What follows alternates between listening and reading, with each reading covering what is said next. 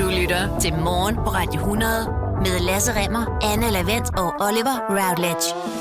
Hej. Halløjsa. Hej. Prøv at høre, jeg har virkelig travlt. Kan I ikke tage den her? Jo, jeg tager den lige. Ja. Det, du har valgt at gøre, Hej, fordi du er Tak, sådan fordi en kredsen type. Hej, hej. Oliver. Hej, hej. Det, du har valgt at gøre, det er, at du har lige bestilt en menu degustation. Du har bedt køkkenchefen om lige at sige, her er det bedste, jeg har. Her er det bedste, vi har tilbyde. Baseret på de råvarer, der var til rådighed på torvet denne her uge. Og vi er på en restaurant Italiano, kan jeg næsten fornemme. Ja, eller i hvert fald en ret krukket køkkenchef, Ja, ikke? okay. Øh, og, og så er køkkenchefen, det er os. Vi er tre køkkenchefer, den ene af dem. Han har travlt ud i han er- opvasken, han så er er der os to, Ja. Anne. Det er os, der knokler løs herovre øh, med at forberede nogle kammuslinger og noget dild, fordi Ja. det er det, vi serverer. Jeg tager kammuslinger. På restaurant Dild og kammuslinger. Ja, tak. Øhm, vi har simpelthen forberedt en, ja, skal vi ikke sige, det er en rund time plus minus. Jo, en lækker menu. En buffet, faktisk. Ja, til dig, der ikke kunne spise ved buffeten mandag til fredag fra 6 til 9, men Ja. tænker, ved du hvad, jeg tager bare lige tapas-varianten. Og tak, fordi du vælger at gøre det. Ja, Ja, vi, har haft en, øh, vi har haft en awesome øh, vinterferieuge, fordi øh, vi valgte ikke at tage på vinterferie, og det er det bedste ved vinterferieugen, det er, når man bare arbejder i stedet for, sammen med de mennesker, man bedst kan lide. ja. Så rigtig god fornøjelse, og tak fordi du lytter. Bon appetit. Der er nogle ting, som jeg synes lyder mere film end andre, så lad os bare starte et sted, for ligesom at få det med. Ja. Og jeg er godt klar over, at det er et konkret produktionsselskab.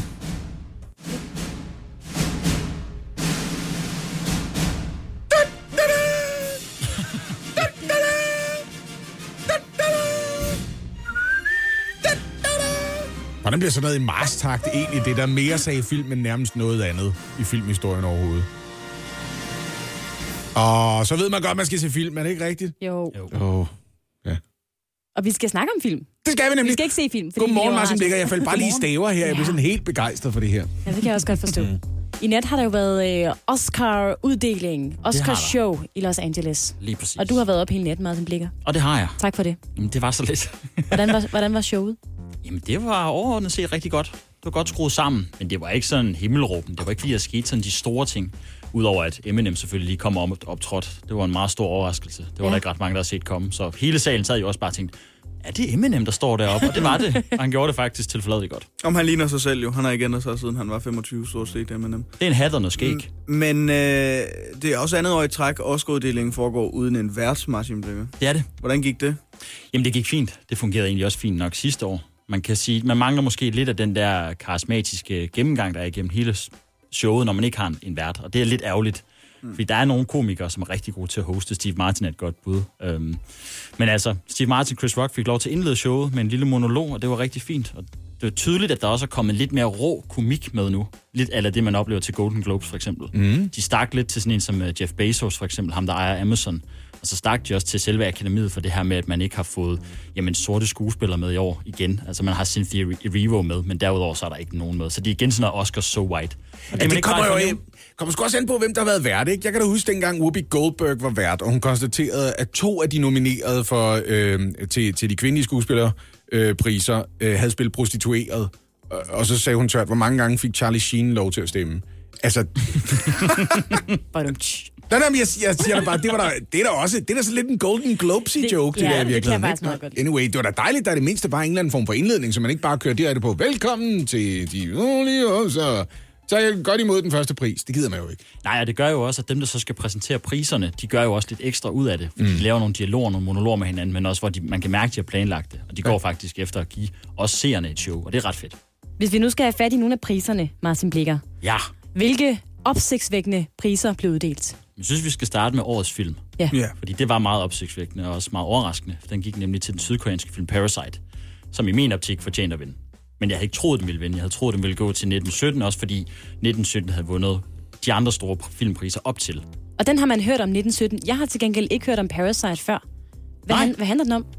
Oh, hvad handler den om? Jamen, øh, det, Kort. er, det er et socialrealistisk drama, som handler om, hvordan overklassen ligesom øh, behandler underklassen, og hvordan det kan komme til nogle sammenstød. Det her med, at overklassen jagter kapitalismen, men kapitalismen er også til at gøre os mindre, øh, hvad kan man sige, menneskelig, mindre menneskelige. Så det vil også sige, at de mennesker, som man egentlig skulle tage sig af, de bliver gemt nede i kælderen, og så på et tidspunkt, så ender det jo i en eller anden form for oprør, for det kan man jo ikke blive ved med. Og det er jo også det, man oplever endnu.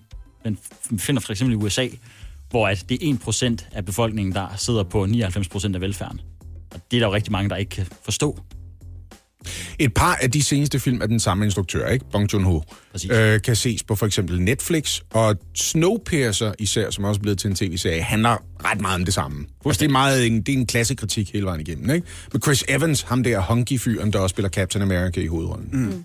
Men den vandt også, øh, eller Bong Joon-ho, var det den her? Ja, Bong Joon-ho. Bong Joon-ho vandt også årets instruktør. Ikke? Det gjorde han nemlig. For Parasite. Så både årets film og årets instruktør går til Parasite. Og årets manuskript også. Og årets manuskript. Og årets bedste udenlandske film, men det vil også være mærkeligt at vinde ja. årets bedste film, og så ikke vinde årets bedste udenlandske film. Ja, det ville være meget ærgerligt.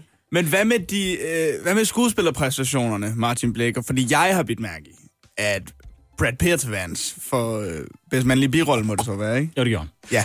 Hvad med øh, hovedroller? Mænd, kvinde? Jamen, øh, den gik, det var overhovedet ikke overraskende faktisk, den gik til Joaquin Phoenix i mandlig hovedrolle. Ah, Joker. Ja, og han stod nok også for den bedste tale, der var i løbet af aftenen, hvor han Nå. også øh, i de sidste 20 sekunder af talen lige mindes hans afdøde bror River Phoenix, som jo døde for mange år siden af en overdosis. Men det kunne man godt mærke, de gik ham rigtig meget på stadigvæk. Minde han, mindes han også den oprindelige Joker, den gode Joker, Heath Ledger? Nej, Så han ikke lige... der var ikke noget der. Det var, Tak en meget, altså, det var en meget prædikende. Han brugte, øh, han brugte scenen meget politisk til at Åh. tale om, at vi skal tage os af hinanden og tage os af jordkloden. Men det er fame vildt, altså, at en mandlig skuespiller vinder for, øh, vinder for at spille stort set den samme rolle 10 år efter. Ikke? Var det ikke 10 år siden, man gav den til Heath Ledger posthumt, hvis nok? posthumt, Ikke? Ja. Mm. Det er med vildt, ikke? Så kommer der en fyr 10 år senere, spillet pretty much den samme rolle, vinder også for den. Men der er også bare et eller andet i den karakter. Den har mange lag, den kan portrætteres på mange forskellige måder. Så det er også derfor, at den kan blive ved med ligesom at være relevant. Så kan man altså godt forstå en lille smule, at Jared Leto var skuffet over, at han ikke fik lov til at spille det mere end bare i Suicide Squad. Ikke? Det havde han, virkelig, han var virkelig indbrændt over det. Og han var godt klar over, at det er Oscar-materiale der får lov til at spille Jokeren. Ikke? Men der kan man så også snakke om, at han måske ramte lidt ved siden af. Hvad med den, øh, hvad med den kvindelige hovedrolle, Martin? Jamen, den gik til Renée Zellweger, hvilket også var meget overraskende. Ikke med, at hun vandt, det vidste man egentlig godt, men i at man det lige var hende, fordi hun har virkelig været sådan ekskluderet, eller selvvalgt ekskluderet sig selv fra Hollywood i mange år. Okay. Så det med, at hun lige går ind og spiller med i filmen om Judy Garland, der hedder Judy, og så vinder årets øh, hovedrolle navn, det er, det er helt vildt. Hun stod så også for den kedeligste tale hele aftenen, desværre. det er lidt Så ærgerligt. Joaquin Phoenix var den bedste, og hun stod for den kedeligste. ja, det var lidt ærgerligt. Okay. Afslutningsvis så var The Cave, dansk, syrisk dokumentarfilm, også nomineret Ja, i årets bedste dokumentar. yes. Hvordan gik det? Jamen, den vandt ikke. Okay, nå, for helvede. Den tabte til den, der hedder American Factory. Så Som egentlig også var forventet, der skulle vinde, havde jeg læst inden, ikke? Men der blev til gengæld givet meget ros til uh, The Cave.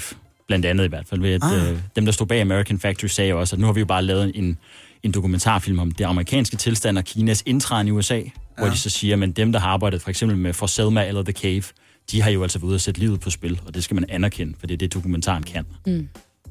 Så den helt store vinder, Parasite, som stadigvæk kan ses i danske biografer. Der er ikke så mange visninger af den, fordi den har trods alt kørt i halvanden måned eller sådan noget. Men må ikke de måske kunne finde på lige at smide lidt ekstra visninger på her i tiden efter, den har vundet så mange priser? Det kunne de rigtig godt. Den har jo også solgt over 100.000 billetter i Danmark, hvilket er uhørt for en sydkoreansk film. Vanvittige tal, ja. Ja. ja. Nå, det var dejligt det der. Nu har jeg det bedre med, at jeg rent faktisk valgte nattesøvn i stedet for at se showet. Jeg føler mig okay opdateret. Tak skal du have. Det var slet. Og sådan har jeg det tit. Ja. Hvis man går glip af et eller andet, så er det meget rart lige at spørge nogen, ja, Hvad skete der egentlig? hvordan var det? Og fortæl mig, om, fortæl mig om det ærgerligste ved det, så jeg ikke er om, at jeg går glip af det, og det fedeste, så jeg ved, hvad det var, jeg gik glip af. Ikke? Gå ud og drik noget kaffe, Martin Blikker. Ja. Ja, jeg tror, du har brug for det. Lasse Oliver, det store spørgsmål her til morgen, ikke? Mm. Skal man have lov til at bære religiøs hovedbeklædning i hæren? Og jeg er den forkerte at spørge. Jeg var jo militærnægter. Så og det er ikke, fordi jeg ikke er tosset med militæret. Det er jeg. Jeg så bare i øjnene. Jeg tror ikke, jeg kommer til at passe særlig godt ind. Nej. Jeg synes, at jeg var en ranglet fyr i rigtig dårlig form, og så har jeg altid haft en tilbøjelighed til at stille rigtig mange spørgsmål til autoriteter. Så jeg tænkte, jeg bliver sgu nok ikke den rigtige i den der sammenhæng, selvom jeg tror, jeg kunne have fået rigtig meget godt ud af det. Og apropos spørgsmål til autoriteter, ikke? Mm. I sidste uge, og grund til at spørge om det her, det er jo, at der er en uh, muslimsk kvinde, som ligesom havde meldt sig ind for, som værnepligtig og var på øh, Varde Kaserne. Men hun må simpelthen forlade den igen efter bare fire dage i trøjen, fordi hun fik at vide, at hun skulle tage sin hijab af. Og en del af hendes forvirring, tror jeg, skyldtes, at da hun i sin tid havde været til sådan en rekrutteringsdag, der havde hun fået at vide, at en hijab ikke ville være et problem Det bare- for at tjene ja. på Vardekaserne. Så kan jeg godt forstå, at hun bliver overrasket, når hun så kommer ind og får at vide, ved du hvad, det strider imod vores uniformeringsregler. Ja, og der. siden har diskussionen altså kørt i et væk. Fordi skal det være tilladt for de kvinder, der melder sig ind i vores forsvar for at forsvare vores land, altså at bære hijab, når de er i tjeneste? Og øh, lad os lige, hvad hun selv øh, mener om det her. Hun har selvfølgelig forholdt sig anonym, det er forståeligt nok, men hun har udtalt sig til DR i et skriftligt svar, og der har hun skrevet, Jeg har aldeles respekt jeg har aldeles stor respekt for uniformsreglerne, men det er da svært at forstå, hvorfor forsvaret ikke rummer kvinder som mig, der gerne vil gøre noget for deres land, men altså bliver begrænset på grund af definerede regler, der hverken tager forbehold for samtiden eller omverdenens udvikling. Mm-hmm. Og det er jo også det spørgsmål, vi har stillet inde på vores øh, Facebook-side på Radio 100, og tusind tak, fordi I har været inde og deltage i debatten alle sammen. Skal det være okay at bære hijab i forsvaret? Ja, der er rigtig mange af jer, der har været inde og give os stemme til kende herinde. 85 procent mener, at det, er, øh, det ikke er i orden, og det, det ikke skal være tilladt at bære hijab i forsvar. Sådan som det er nu. Øh, så er der omkring 10 procent, der mener, at det skal være lovligt, og så er der 5 procent, der ikke rigtig har en holdning til mm. det her. Øh, og, til det her øh, spørgsmål. Og så øh, er der nu en hulens masse kommentarer til, til opslaget også. Jeg har taget udgangspunkt i et par stykker af dem. Ali siger, at det skal det selvfølgelig ikke, fordi i herren er alle ens ligegyldigt køn, etnicitet og religiøs overbevisning. Man er en del af en enhed, et fællesskab, og at ændre dette og tillade religiøse særbehov er forkert. Mm. Og så er der Kjeld, der måske giver et lidt andet billede på øh, syn på sagen. Han skriver, jeg er til dagligt udstationeret af forsvaret til et land, hvor halvdelen af de væbnede styrker er kristne, og den anden halvdel er muslimer. Alle baser har således både en kirke og en moské, og man fejrer hinandens højtider og respekterer hinandens forskelligheder. Mm-hmm. Spændende. Jeg tænker det her, ikke? Jeg tænker... Øh at ideen med at uniformere folk ens, ideen med at sige, I skal ligne hinanden så meget, som I overhovedet kan, det er blandt andet for at understrege, at man er en del af et hierarki, hvor der er en tydelig rangorden, og der er en, der står på toppen af pyramiden, som den øverste befalende og bestemmer, hvad skal du gøre? Og i sidste ende er klar til at sige, løb i den retning, selvom folk de skyder dig, og du dør lige om et øjeblik. Mm. Og i den sammenhæng, der er det nødvendigt, at der ikke er nogen tvivl om, hvad er det for et hierarki, du er ansvarlig over for, og hvem er det, der står øverst på pyramiden. Og der er altså ikke en, der står over den øverst befalende, op i himlen et eller andet sted, som du i sidste ende betragter som en større autoritet. Det tror jeg er væsentligt, og det er sådan set lige meget, hvilken religion vi taler om. Det er afgørende for mit vedkommende, at jeg kan kigge på militæret og tænke, okay, jeg er klar over, hvis regler, der er vigtigst altid for dig. Og hvis der er et sæt regler, som man kan sige er overjordiske, eller som ikke har at gøre med en menneskelig autoritet, så kommer jeg en lille smule i tvivl om, hvem kommer du i sidste ende til at føle dig ansvarlig overfor? Ja, altså jeg er jo nærmest imod alle former for forandring. Jeg vil gerne have, at alle ting de skal være, som de nu er. Men ja. samtidig så har jeg også lidt svært ved at finde det sådan rigtig, rigtig gode argument for, at jeg kan sige, prøv her, så tag den hijab på. Altså ligesom, du, det er en hijab, og så samtidig har du samme tøj på som de andre. Det er i hvert fald noget, man gør i både Sverige, England og USA, som er vores allierede. Mm. Altså, når vi jeg synes ikke, så at okay. tørklædet det kommer til at sige, at Allah er min øverst kommanderende. Nej, det synes jeg ikke. Jeg tror ikke, ikke, ikke hvis uniformen de Men hvorfor, har på, du, hvorfor, hvorfor du tørklæden altså. på i første omgang, så? Hvorfor tager du tørklædet på? Jamen, det er jo... Du tager tørklædet Det er fordi Gud siger, du skal. Så hvem er det, der bestemmer? Hvorfor bærer man et kors om halsen? Altså... Ja. Jamen, det skal du da heller ikke. Du skal da heller ikke bære et kors om halsen. Hvad I så? hvert fald ikke, hvis det er men, synligt. Men det gør Som, alle. Prøv at høre. Hvis du er betjent, eller hvis du er i militæret, så skal du ikke bære nogen tegn på, hvilken religion du bekender dig til. Jeg gider ikke se på noget af det. Hvad så med læger? Jamen altså, det ved jeg ikke. Læger skal jo ikke dø for mig. Det ved jeg ikke. Det skal en betjent Jamen, jeg skal da heller ikke gøre, som en læge siger. En læge kan da ikke sige til mig, nu skal du lægge dig ned og lade, få en indsprøjtning. Så skaldet går i forhold til en autoritær myndighed. Ja, hvem, er, hvem har ret til at udøve et voldsmonopol over for mig? Ja. Okay. Hvis folk er de mennesker, som har lov til at sige, hvis du ikke gør, som jeg siger, så rører du i spjældet, eller også lægger jeg dig i benlås, eller sådan noget, så skal jeg med dem kunne stole på, hvilke regler er det, du beder mig om at følge, og hvem er det, du selv følger. Mm. Ja, og det gør en læge ikke. Jeg kommer ikke til at ligge i benlås, fordi jeg siger nej tak til en vaccination, for eksempel. De kommer til at kigge vredt på mig, og med rette. ja. Men forstår du, hvad jeg mener? Ja, men du riser det også meget godt op, fordi det er også sådan cirka øh, sådan, vi har skruet reglerne sammen her i landet. Altså mm. eksempelvis øh, dommere må ikke bære religiøse symboler, og det er altså øh, religiøse symboler af nogen art. Altså ikke synlige kors Der eller er vi nemlig tilbage ved voldsmonopolet. Du kan smide mig i spjældet. Jeg vil vide, hvem du arbejder for. Og det er det samme i forsvaret, og det er det samme med politiet, og det er også det samme med, med brandfolk. Altså det er ligesom dem, der ligesom... Der er ingen symboler overhovedet. Hvorimod øh, lærere, sygeplejersker, læger, gerne må. Og der vil jeg nærmest foretrække det. Der vil jeg faktisk, når du underviser folk, eller du på anden måde øh, inspirerer dem, eller den autoritet, ja. som, som du benytter dig af i forhold til dem, det handler om viden, så vil jeg da gerne vide, på hvilket grundlag er det, du udtaler dig. Super gerne.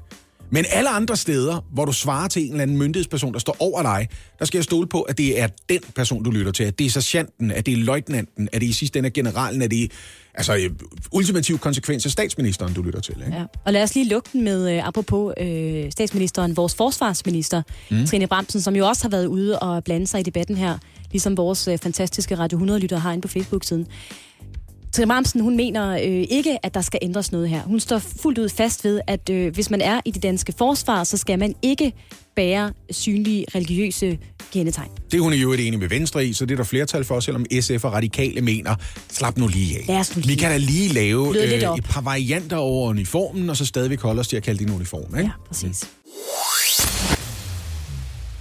Vi skal til Aarhus Kommune, hvor et øh, flertal i byrådet nu vil give langtidsledige mulighed for at- at designe deres egen beskæftigelsesindsats, så at sige, ved at give dem op mod 35.000 kroner i hånden. Dem kan de så bruge eksempelvis på nye tænder eller et kørekort, hvis de mener, at det kan bringe dem tættere på at få et arbejde. Ja, og grunden til, at man vil indføre det her, er, at man har kørt et lignende projekt siden 2015, hvor en gruppe langtidsledige fik op imod 50.000 kroner i hånden og, øh, og tæt sparring fra kommunen.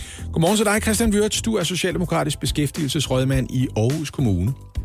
Morgen. Hvad er det for nogle resultater, der er kommet ud af det her projekt, siden du og et flertal i byrådet nu vil videreføre en ordning, der ligner den, I forsøgte med?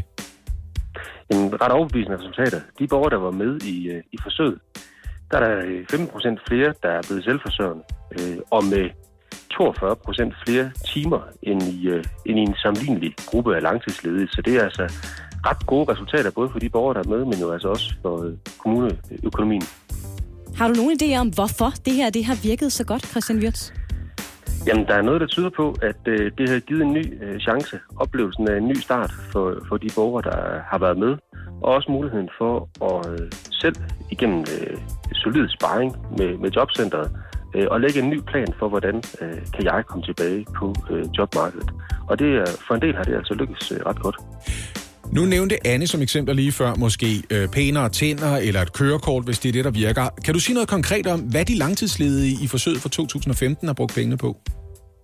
Jamen det der, det er jo, det er jo gode eksempler. Øh, det er jo også sådan noget som øh, en cykel, en mobiltelefon, uddannelse, ting, som den, øh, som den ledige har vurderet, kunne være med til at bygge en bro ind til, øh, til selvforsørgelse. Øh, Og i mange tilfælde øh, elementer til for eksempel at opstarte egen virksomhed.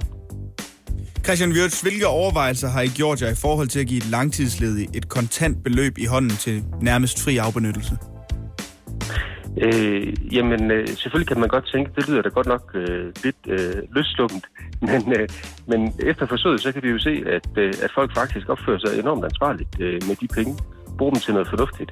Noget af det, der, der er mest i øjnefaldene, er måske, at selvom at man i forsøget har mulighed for at bruge 50.000 kroner, så har langt de fleste faktisk brugt, øh, brugt mindre.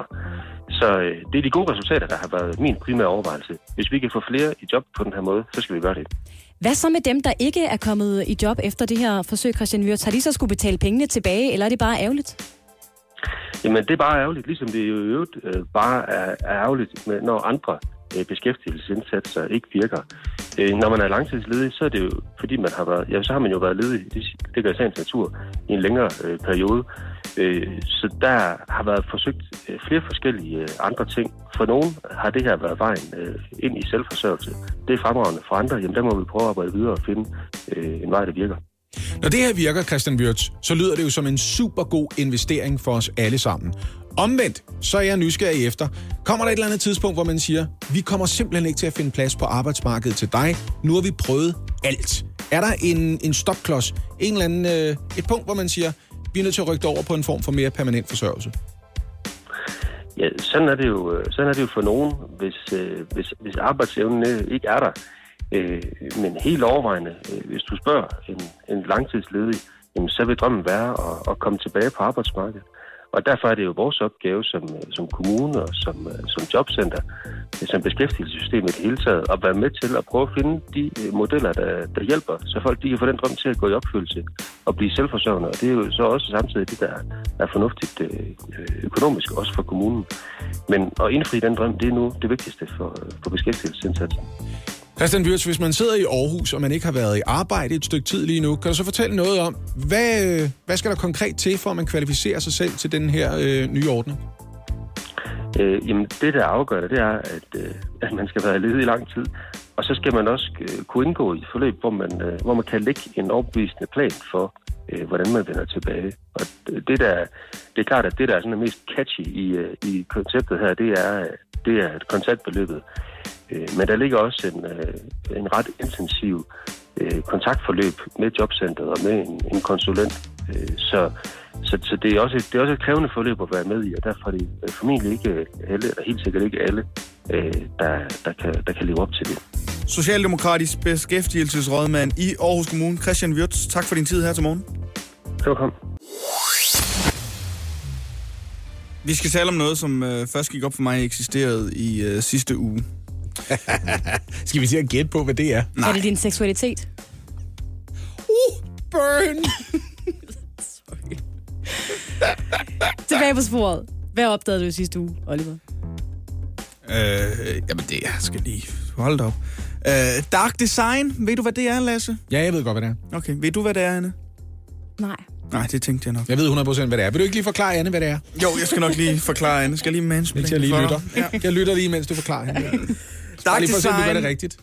er øh, det, som man finder, når man for eksempel holder hjemløse væk fra et sted at sove. Ja, hvis det, for eksempel, hvis det er det, man gør. Det har til hensigt at skubbe særligt hjemløse væk fra offentlige såvel som private områder, hvor de eksempelvis kunne finde på at lægge sig til at sove. Præcis, det er sådan, det er.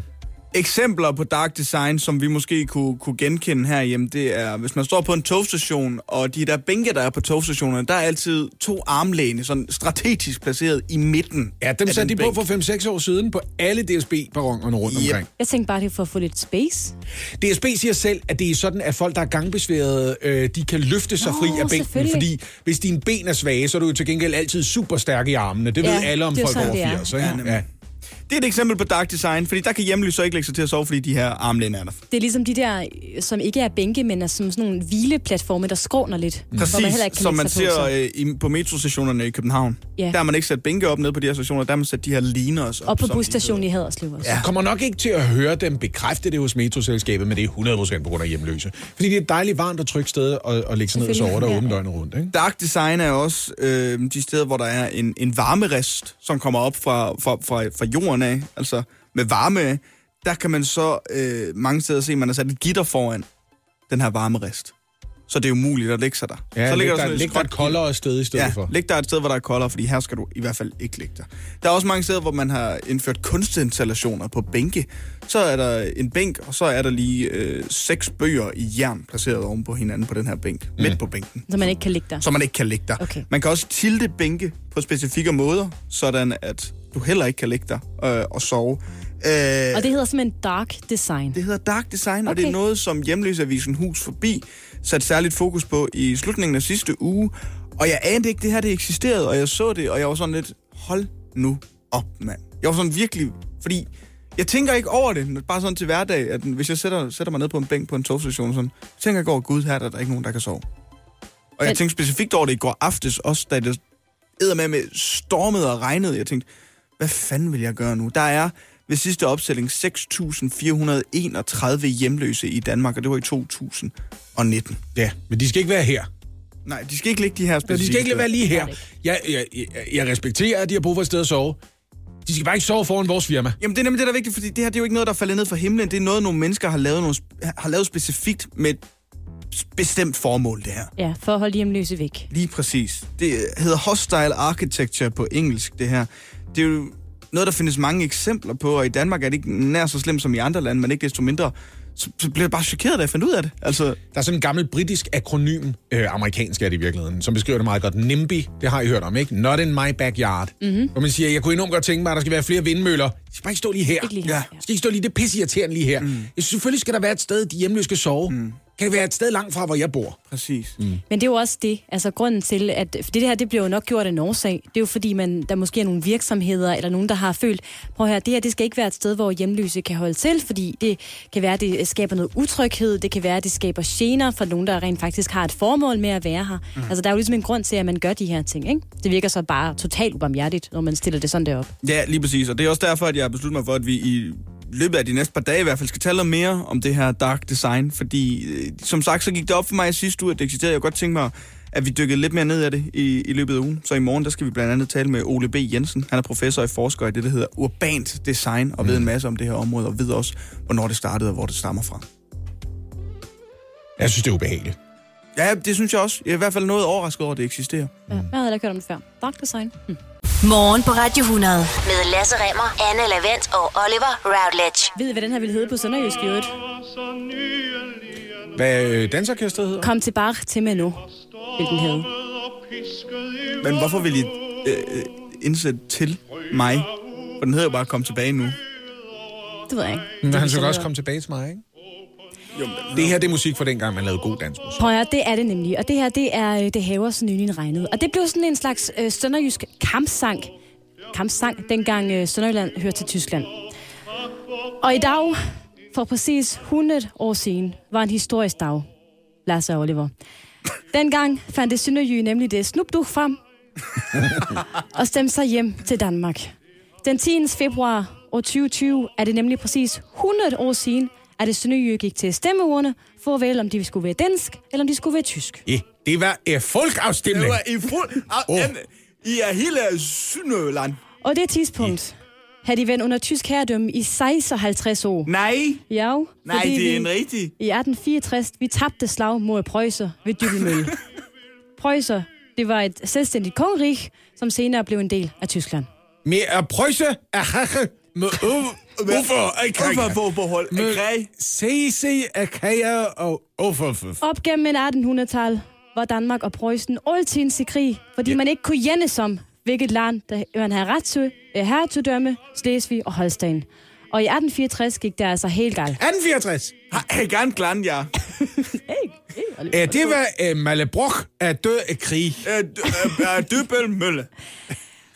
Åh, oh, Gud. Efter nederlag til Preussen måtte Danmark opgive Slesvig og Holstein, der ellers indtil da havde været en del af det danske rige. Åh, oh, Den nordlige del af Slesvig er det, vi i dag kender som Sønderjylland. Sønderjylland. Og i de år, hvor landsdel var under tysk herredom, forsøgte at tysker at knække af danskhed ved blandt andet at indføre møgeforbud og fængselsstraf, sådan at det synlige kunne blive med i tysk sinde. Ah, fandme rar. Ah. Ah, fandme rar. Affen Ra Affen og Tyne. rar, ja.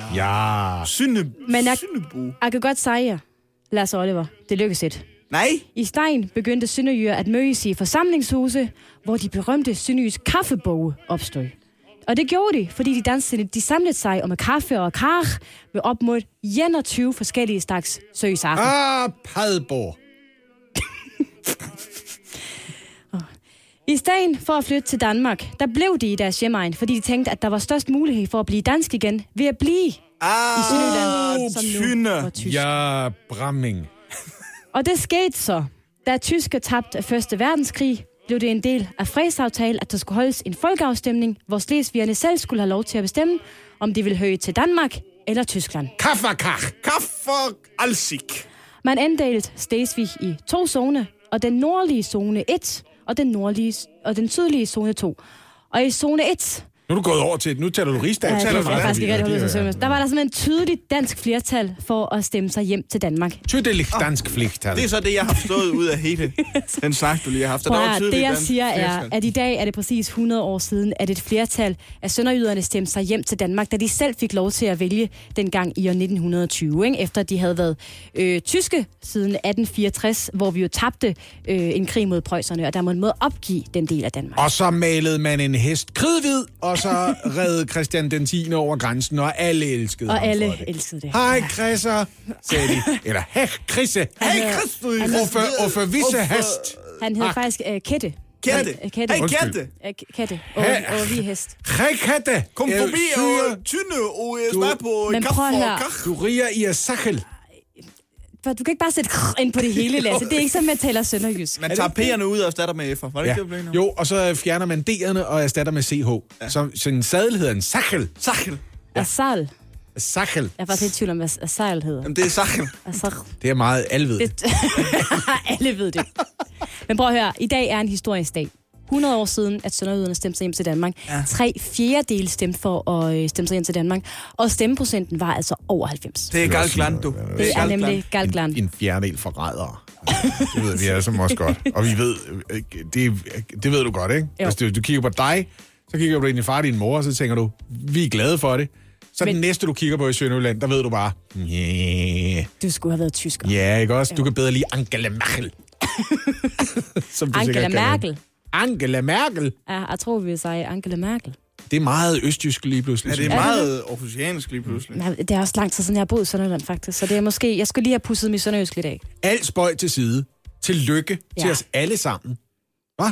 Jamen, kæmpe tillykke. Ja. Og den her øh, fantastiske begivenhed bliver jo fejret øh, resten af året også med øh, forskellige... Hvad er det, Oliver?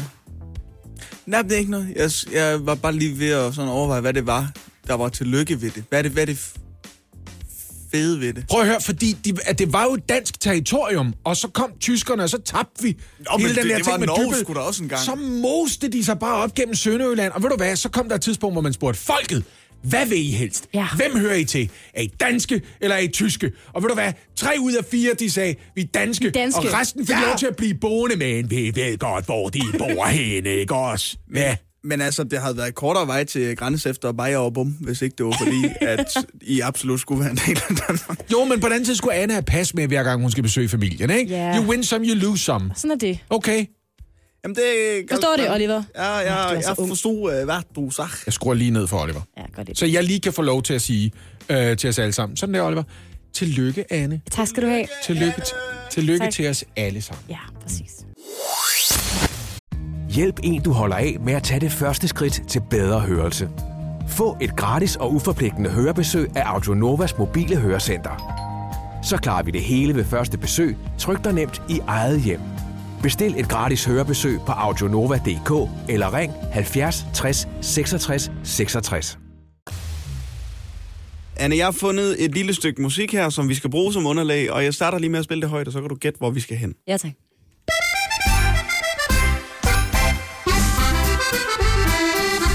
Er det, er det Hansi Hinser, siger? Skal vi til Østrig? Det er ikke Hansi Hinter, siger, Nå. men det er tæt på Østrig. Det er et naboland til Østrig. Det er Hønsi. Det er Schweiz. Det er Schweizi. Ja, Schweizi. Schweizi. Vi skal til Schweiziland. ja, tak. Jeg ved Schweiz. ikke helt, om musikken kommer helt derfra. Men lad os, lad os Det her. Jeg kan ikke tænke, det kan komme andre steder fra Schweiz. det, men det er dejligt. I Schweiz, der har man øh, folkeafstemninger. Det er et led i det direkte demokrati, der findes i Schweiz. Ja, alt skal til afstemning. Nemlig, borgerne de får øh, jævnligt chancen for at tage stilling til forskellige forbehold, der berører deres hverdag, og alle kan organisere en folkeafstemning. Det kræver 100.000 underskrifter. Mm-hmm. Og sådan en blev der afholdt i søndags i Schweiz, en folkeafstemning. Ja, tak. Hvor der er 63,1 procent, der ønsker at gøre det ulovligt at da, da, da, da, diskriminere på baggrund af seksuel identitet og orientering. Ja. Som det er i dag, er diskrimination på baggrund af race og religion ulovligt, men der er ingen beskyttelse af for eksempel homo og biseksuelle. Skal vi lige stoppe her? Skal vi lige stoppe en gang? Skal vi lige, Skal- Hvad er det, du sidder og siger? skal vi lige trække vejret? Jamen, det jeg siger er, at, øh, at der er 63,1 procent i Schweiz, der ønsker at gøre det ulovligt at diskriminere på baggrund af seksuel det, identitet. og det, det, det er positivt. Det er der, det Der er positive. flertal, Yep. der gerne vil gøre det ulovligt at diskriminere folk, hvis de for der er eksempel er homoseksuelle. Okay, okay. Der er også 36,9 procent, der synes, nej, Det skal ikke. det skal ikke være ulovligt. Jeg skal have lov til at diskriminere dig, fordi du er homo. Sådan er det bare. Lige præcis. Benjamin Fischer, han er fra det højorienterede svejsiske Folkeparti. Han siger, vi lever i et land med ytringsfrihed. Folk skal have lov til at Nej. tænke og sige, hvad de vil. Nej, men Også selvom det er lidt dumt eller smagsløst. Prøv så vil man ytringsfrihed for meget. Altså, folk Ja, skal holde deres kæft, meget, hvis de har lyst til at diskriminere. Men det, altså, okay, vi er jo, hvad er 2020? Ja. Altså, det er 100 år siden, vi lavede en genforening, og i Schweiz kan man åbenbart stadigvæk ikke finde ud af, at det ikke er okay at diskriminere folk på grund af deres seksualitet. Hvor er det sindssygt. Men prøv at høre, indtil videre, der har det været muligt for restauranter, biografer og svømmehaller at afvise folk på baggrund af deres seksualitet i Schweiz. What? Ja, Vi er jo 2020, Schweiz. ja. Kom Men ind i det- kampen. Nu, nu, nu uh, kan den her nye lov så snart indføres, og så dermed... Så, så gør, så, okay. så, så er det ikke mu- længere muligt for Nå, men det- at restauranter og afvise- biografer, Okay. svømmehaller og, og, Hey, det er og det mest afvise. sindssyge, jeg har hørt. Oliver, hvad er det der for et det, land? det er vanvittigt, det er vanvittigt. Øh, valgdeltagelsen lå i øvrigt på, ja, hvad der er 41,7 procent, så jeg håber, de resterende dele af den svejsiske befolkning øh, i højere grad er enige med de 63,1 procent. Ikke nok med, at folk diskriminerer, de er også ligeglade. Ja. Ej, altså. Men det fik mig til at tænke på, okay, hvis det er sådan her, det er i Schweiz med de her folkeafstemninger, så må der skulle være nogle lidt besynderlige regler i Schweiz rundt omkring, ikke? Ja, det, Der må være nogle ting, der er blevet trumfet igennem, der måske ikke lige er tænkt igennem. Ja. Og det er der også. Jeg har fundet tre stykker. Er du klar? Ja, det er, jeg synes jo, det er passende, at Hvis- musikken er gået over i en form for march nu. Kom med dem, På Oliver. to og fire, Anne. Idiot. Du må altså ikke stå op og tisse efter klokken, øh, klokken 10 om aftenen i Schweiz. Det er lige så du ved det. Man må ikke stå op og tisse. Nej, Vel, efter altså, klokken 10. Det, det er jo så en, altså en lov, der udelukkende henvender sig til mænd. Ja, altså, kvinder kan også godt stå op og tisse. Det er ikke rart øh, at tage trusserne på Ja, bagefter I bevares. Men I altså, ikke. men altså er det, det gætter jeg på er ude i det fri. Man må gerne stå op og tisse i sit eget hjem. Du må gerne... Nej. Nej, for det larmer, Anne. Du må heller ikke skylle ud af dit toilet efter klokken 10 i Schweiz. Ej, ej, ej, ej. Altså, vi er enige om, det er en gammel lov, og dem- du får måske ikke lige en bøde og sådan noget, men du kan få et rap over alderen, så at sige. Så man kan ringe til politiet, hvis prøv at høre. Ja. Jeg kan høre Børge inde ved siden af. Han står med på- noget prostata og chatpis, og det er pisse irriterende. Men mindre du, mindre du er på restaurant og, eller bar eller sådan noget. Men derhjemme, du skal ikke skylle ud eller tisse. Direk- har du aldrig haft en overbo, som er tisset direkte ned i kummen, og så har man kunne høre det så højt? Fordi det... Nej, det har jeg faktisk ikke. Nej, det er, det er irriterende. Nå, Var det Øh, dig, der gjorde det? Oliver? nej, jeg, jeg så altid for at, larme så lidt som muligt. Har du en hund i Schweiz, så skal du betale skat af den. Ja. Din hund. Du skal betale skat af din hund i Schweiz.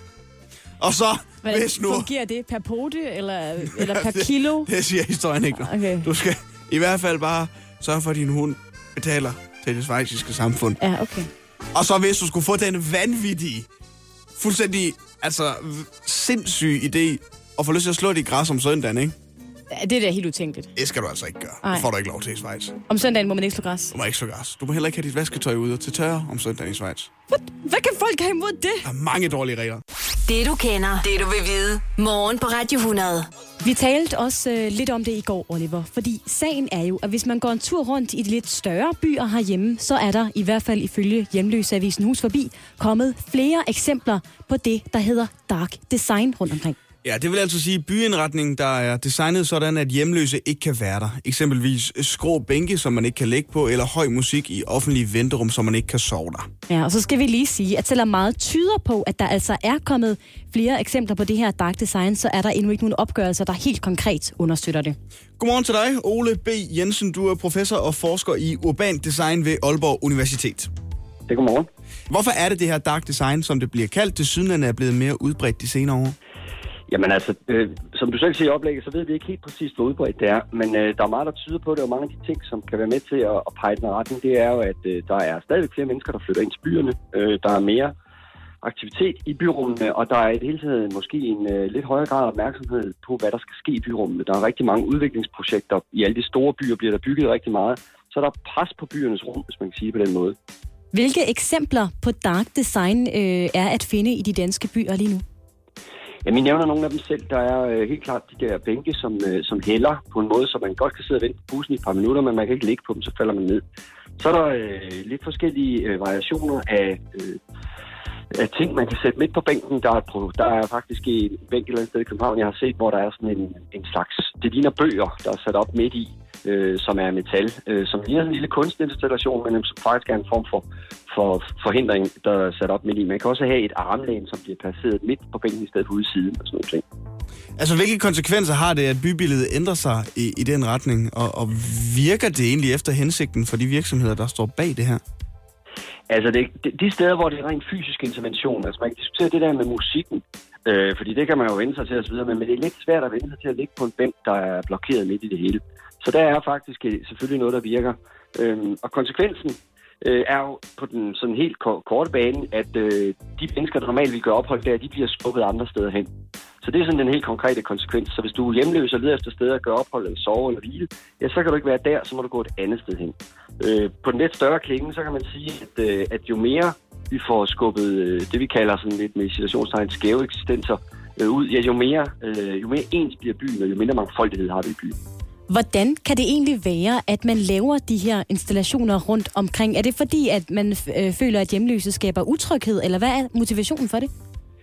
Ja, det er jo en blanding, øh, og, og, og vi skal skelne mellem de private øh, ejendomsforhold øh, øh, forhold og så de offentlige rum. Ikke? Men, men det er klart, at ofte vil det være sådan, at, øh, at der kan være øh, for, forskellige gener øh, opfattet med, med, hvis der er mange mennesker, der ligesom holder fest på en bænk eller laver larm osv. Øh, men, men, men det interessante er jo, at mange af de her øh, situationer, er, hvor- en enkelt hjemløs gør ophold og skal sove, øh, er jo i virkeligheden ikke noget, der generer folk andet, end at det måske støder deres øh, normalitetsopfattelse.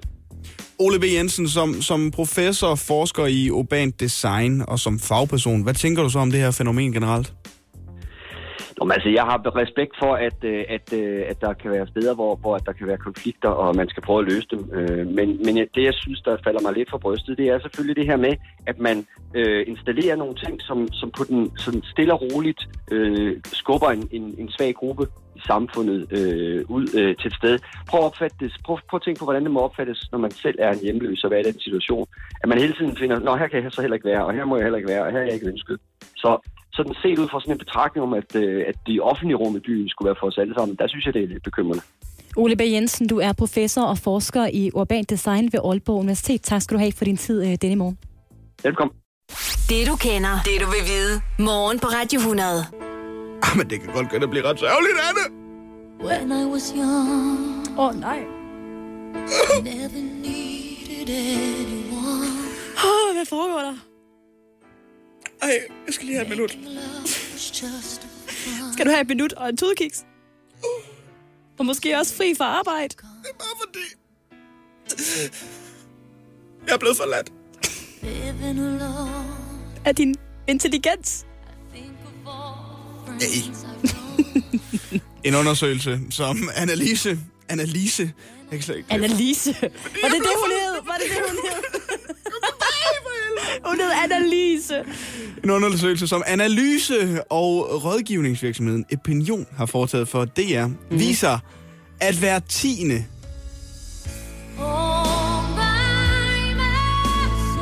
mellem 18 og 24 har sygemeldt sig med kærestesover. Desuden så har Opinion også undersøgt, om folk finder det rimeligt at sygemelde sig fra arbejde i en kortere periode med kærestesover. Det er der en fjerdedel, der synes... Øh, se, Celine Dion får min Siri til at gå i gang. Hvad er det, hun... Det er fordi, det er kærestesover. Hvad gør hun dog? dræbte Hvad det gør hun dog ved Siri?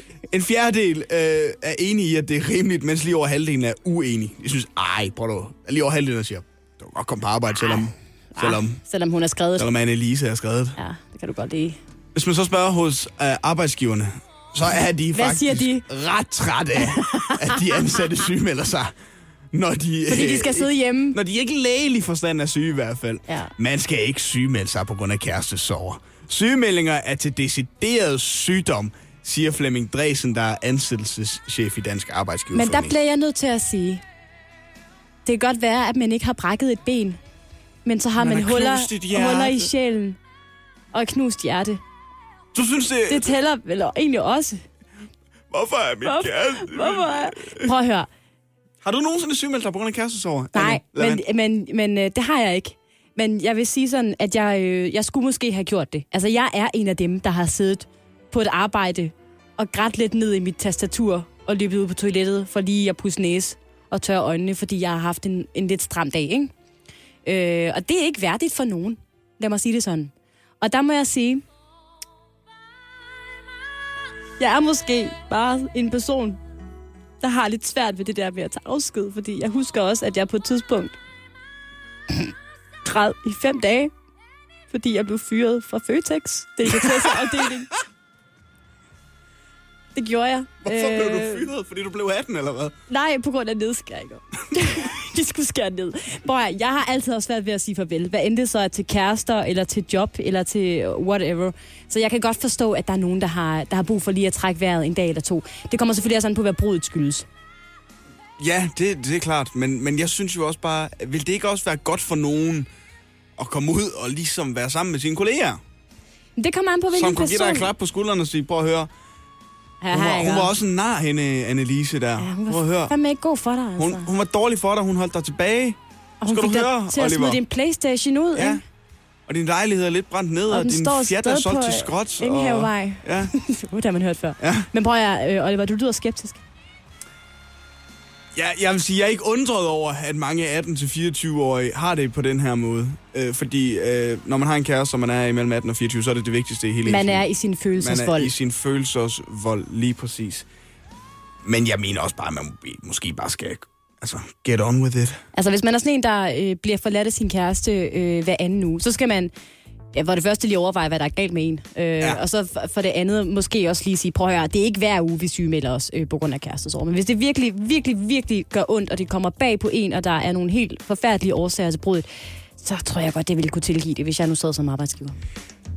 Marianne Schøler, hun, øh, hun siger, at øh, hun, er, hun er psykolog, undskyld nu. Hun siger, at selvom kærestesorger kan ramme hårdt, så skal man ikke gøre det til en psykiatrisk lidelse. Men man skal til gengæld som samfund rumme og anerkende, mm. at kærestesorger opleves forskelligt. Og det vil jeg måske sige, det er den rigtige måde at putte det på. Ja. Der er nogen, der måske er godt af det, der er måske nogen, der ikke sådan har Der er ikke nogen, der har godt af kærestesover. Og Nej, men der er nogen, der har godt af at lade være med at sygemelde sig, og så er der nogen, der har godt af at blive hjemme under dynen og spise chips og, og øh, høre Celine Dion. Dion. Ja.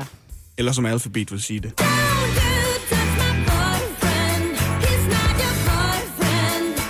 Den har du glædet dig til at spille, den der.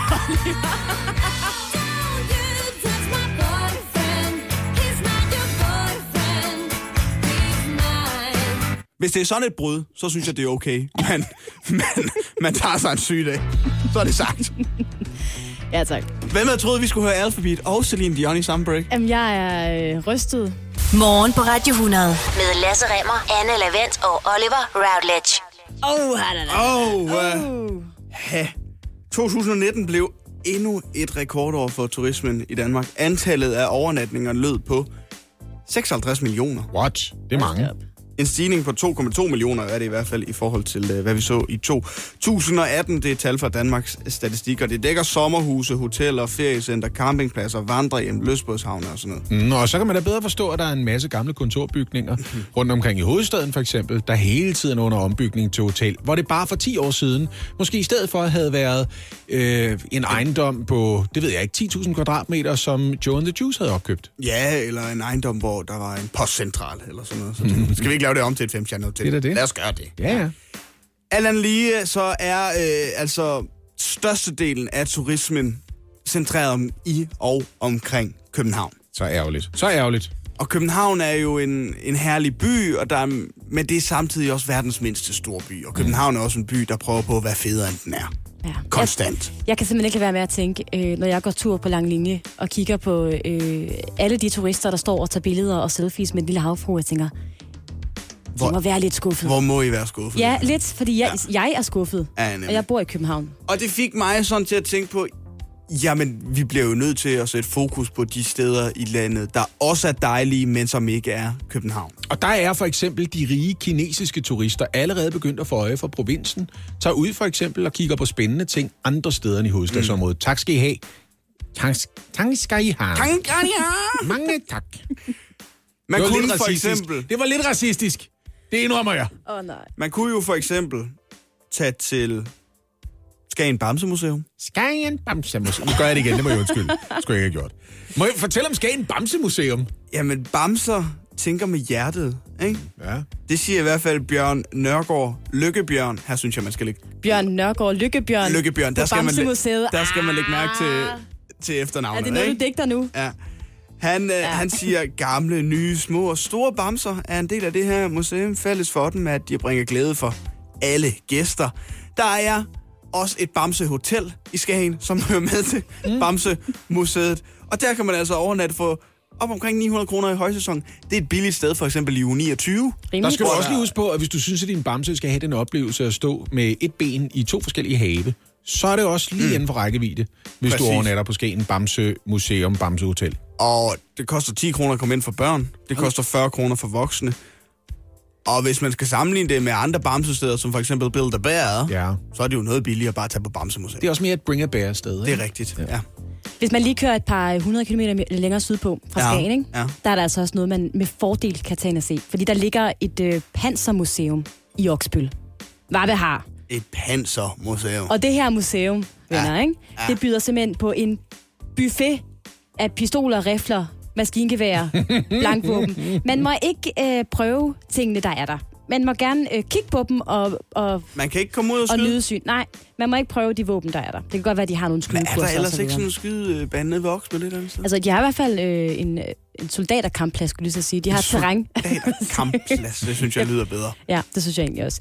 Men øh, der findes også kampvogne og andre køretøjer, der bliver brugt til militærbrug. Og så skal jeg lige høre her, venner. 80 kroner for en voksen, 60 kroner for en pensionist, børn 30 kroner, og så kan man få familiebilletten til 200 kroner, hvor du kan tage hele familien med ind og se nogle fede våben. Ikke? Det er et nu, ikke? røverkøb, og røverne sidder i billetsalget. Drop Tivoli.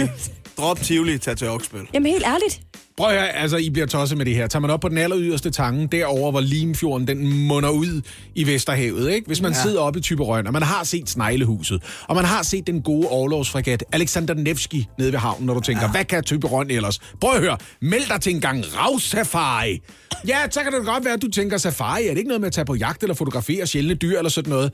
Jo, men du kan også i marhalmen snige dig ind på det der størknede harpiks, der er så populært blandt kvinder over 80.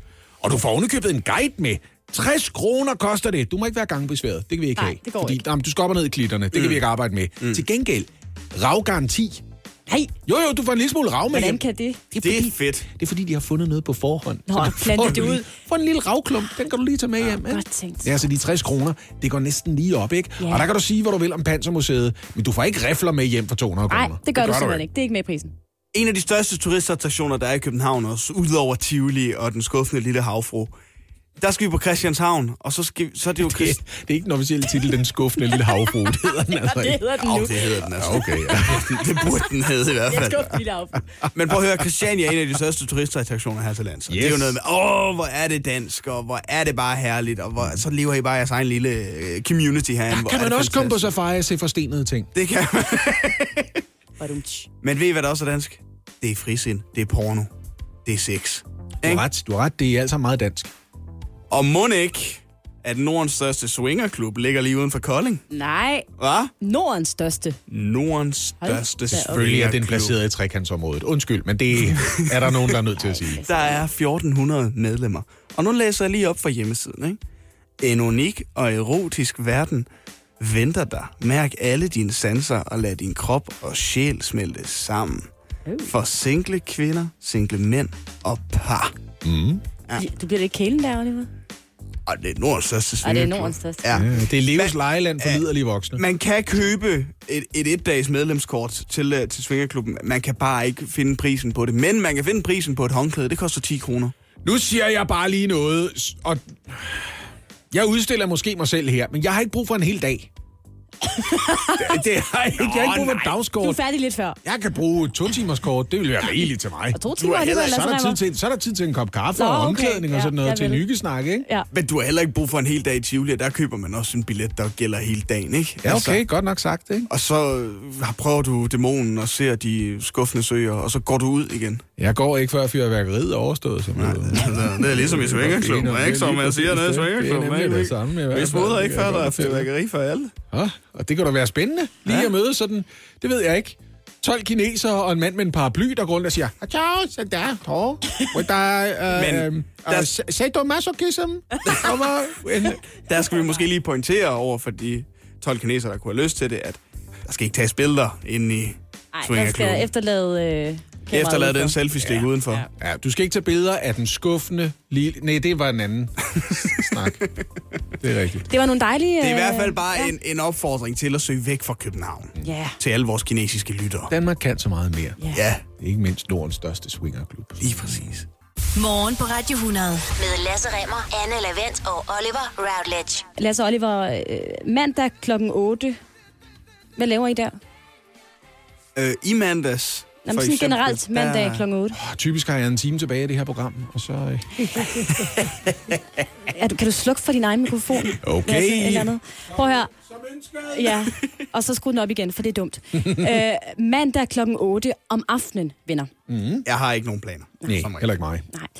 Prøv at, høre, jeg ved ikke, om vi går glip af noget øh, herinde i det her studie, for det viser sig, at der er ingen af os, der øh, ser eller har set den kæmpe successerie, der kører på TV2 på øh, syvende sæson nu, der hedder Badehotellet. Min hustru ser den. Din hustru ser den? Jeg, jeg vil ikke sige religiøst, men hun er up to date på den. Okay. Hun synes, det er super hyggeligt at se. Ja, Og du øh, kigger ikke lige med sådan lidt i baggrunden? Og... Nej, jeg synes, den virker som sådan en øh, 50'er folkekomedie udgave af Krøniken, og den synes jeg altså også var sådan lidt tynde skive sammenlignet med Matador. Og jeg ved, det er super upopulært at sige.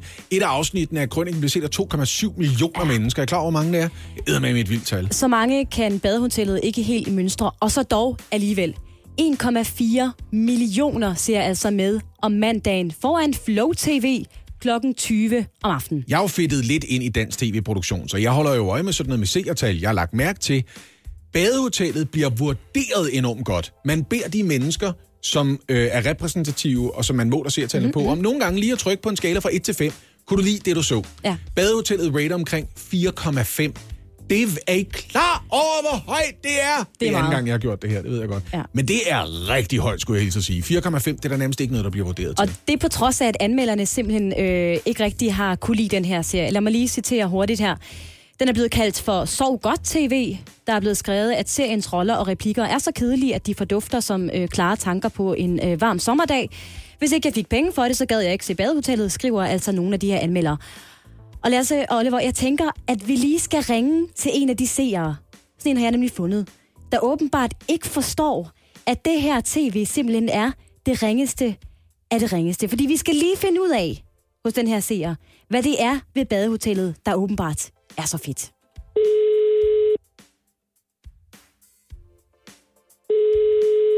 Det er Anita. Godmorgen, mor. Det er Anne. Godmorgen, Søde. Goddag. Er du stået op, Goddag. Muts? Ja, det er så. Det er jo vej øh, til at gå klar til at tage på arbejde. Nå, hvor dejligt. Ved du det, mm. Mutti, jeg skal lige spørge dig om noget. Øhm, Ja. Hvad lavede du i mandags øh, klokken 8 om aftenen?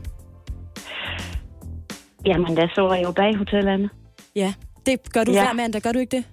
Jo, hver evig eneste mandag, og det er overhovedet ikke planlagt af min kalender mandag kl. 20, for der skal jeg se badehotellet. Og det er også sådan, at jeg ikke skal ringe og forstyrre dig, når mandag øh, klokken 8 oprinder, ikke?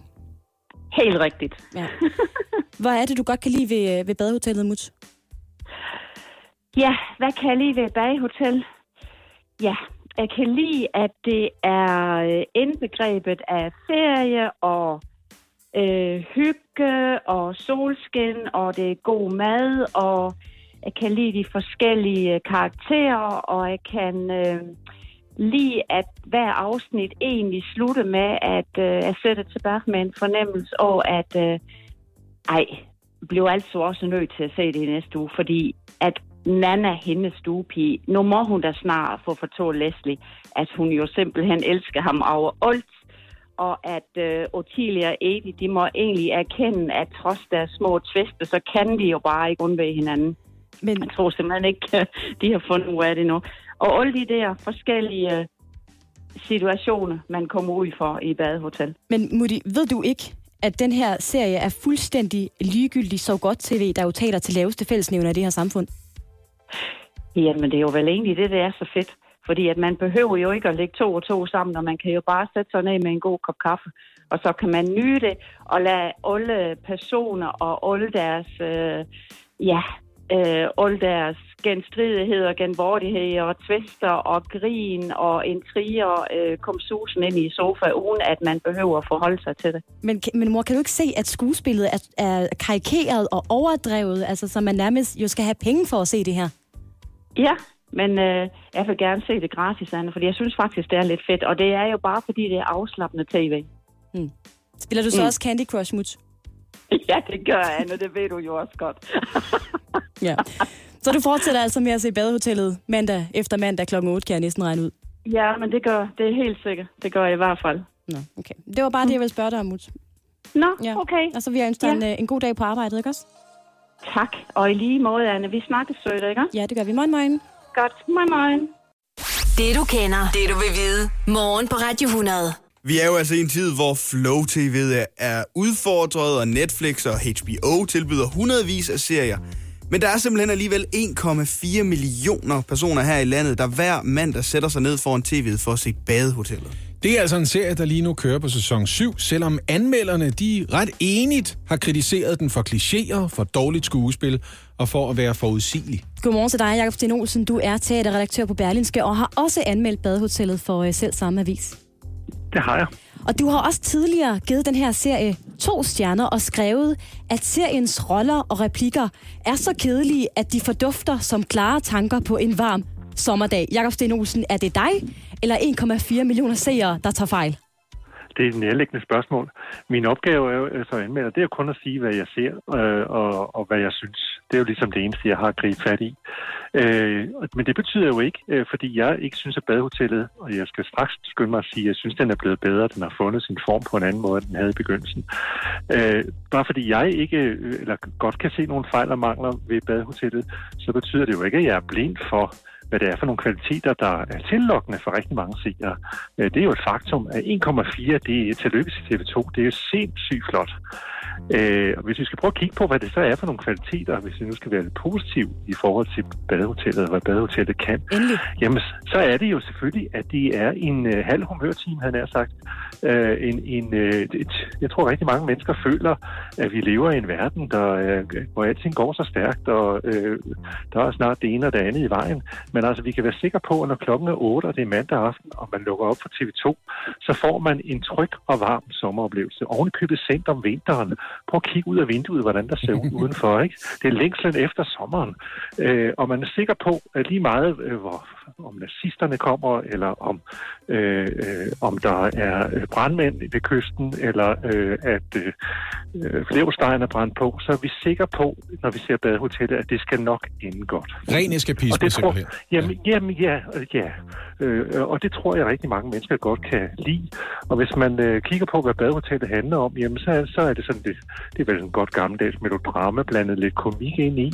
Øh, sådan lidt, øh, det, det, det, må godt være, det må godt, øh, det må godt være lidt farlighed i, men ikke mere end, end at det gør noget. Så det, det er en tryg og god verden, øh, og en, en verden, hvor hvor øh, vi hejste Dannebro og spiste øh, varm mad til aften og øh, talte om vejret. Og øh, ja, sådan, sådan er badehotellet. Jakob Sten Olsen, øh, badehotellet har fra begyndelsen af fået dårlige anmeldelser, som dog er blevet gradvist bedre. Er det så fordi, at serien rent faktisk er blevet bedre, eller fordi, at anmelder først senere har set, hvad det er, serien den kan? Nej, ja, måske en blanding af begge dele, vil jeg sige. Øh, men jeg synes også, øh, at den har fundet sin form. Altså, den er blevet bedre til at kende sine virkemidler, øh, mens øh, andre får lov til også at spille fine scener indimellem. Jeg synes jo i virkeligheden, at badehotellet er bedst, når den tør være lidt alvorlig og tør være lidt følsom. Øh, øh, så, så, så begynder den næsten at kunne nogle af de samme ting, som Matador kunne i sin tid. Øh, men jeg synes stadigvæk, når man kigger på det, at der er nogle scener, der er meget voldsomt spillet for fjernsyn. Jeg synes stadigvæk, der er meget dialogen, der halter i forhold til, at de står og fortæller hinanden ting, vi godt ved, øh, eller skal lige sige noget om tiden, der går på sådan en meget kunstig måde. Jeg synes også nogle gange, som sagt, spillet bliver lidt overgjort. Øh, og jeg synes også, at figurerne, hvis vi nu for eksempel skal sammenligne med Matador, øh, at øh, mange af figurerne er lige lovligt endimensionelle. Men det er jo lykkedes for parret, som har skabt den før. Stig Torsbo og Hanna Lundblad skabte også Krøniken, som er en af de største dramasucceser øh, på DR siden netop Matador. Matador fik også ret dårlige anmeldelser i begyndelsen. Altså er badehotellet sammen med Krøniken vores tid svar på Matador?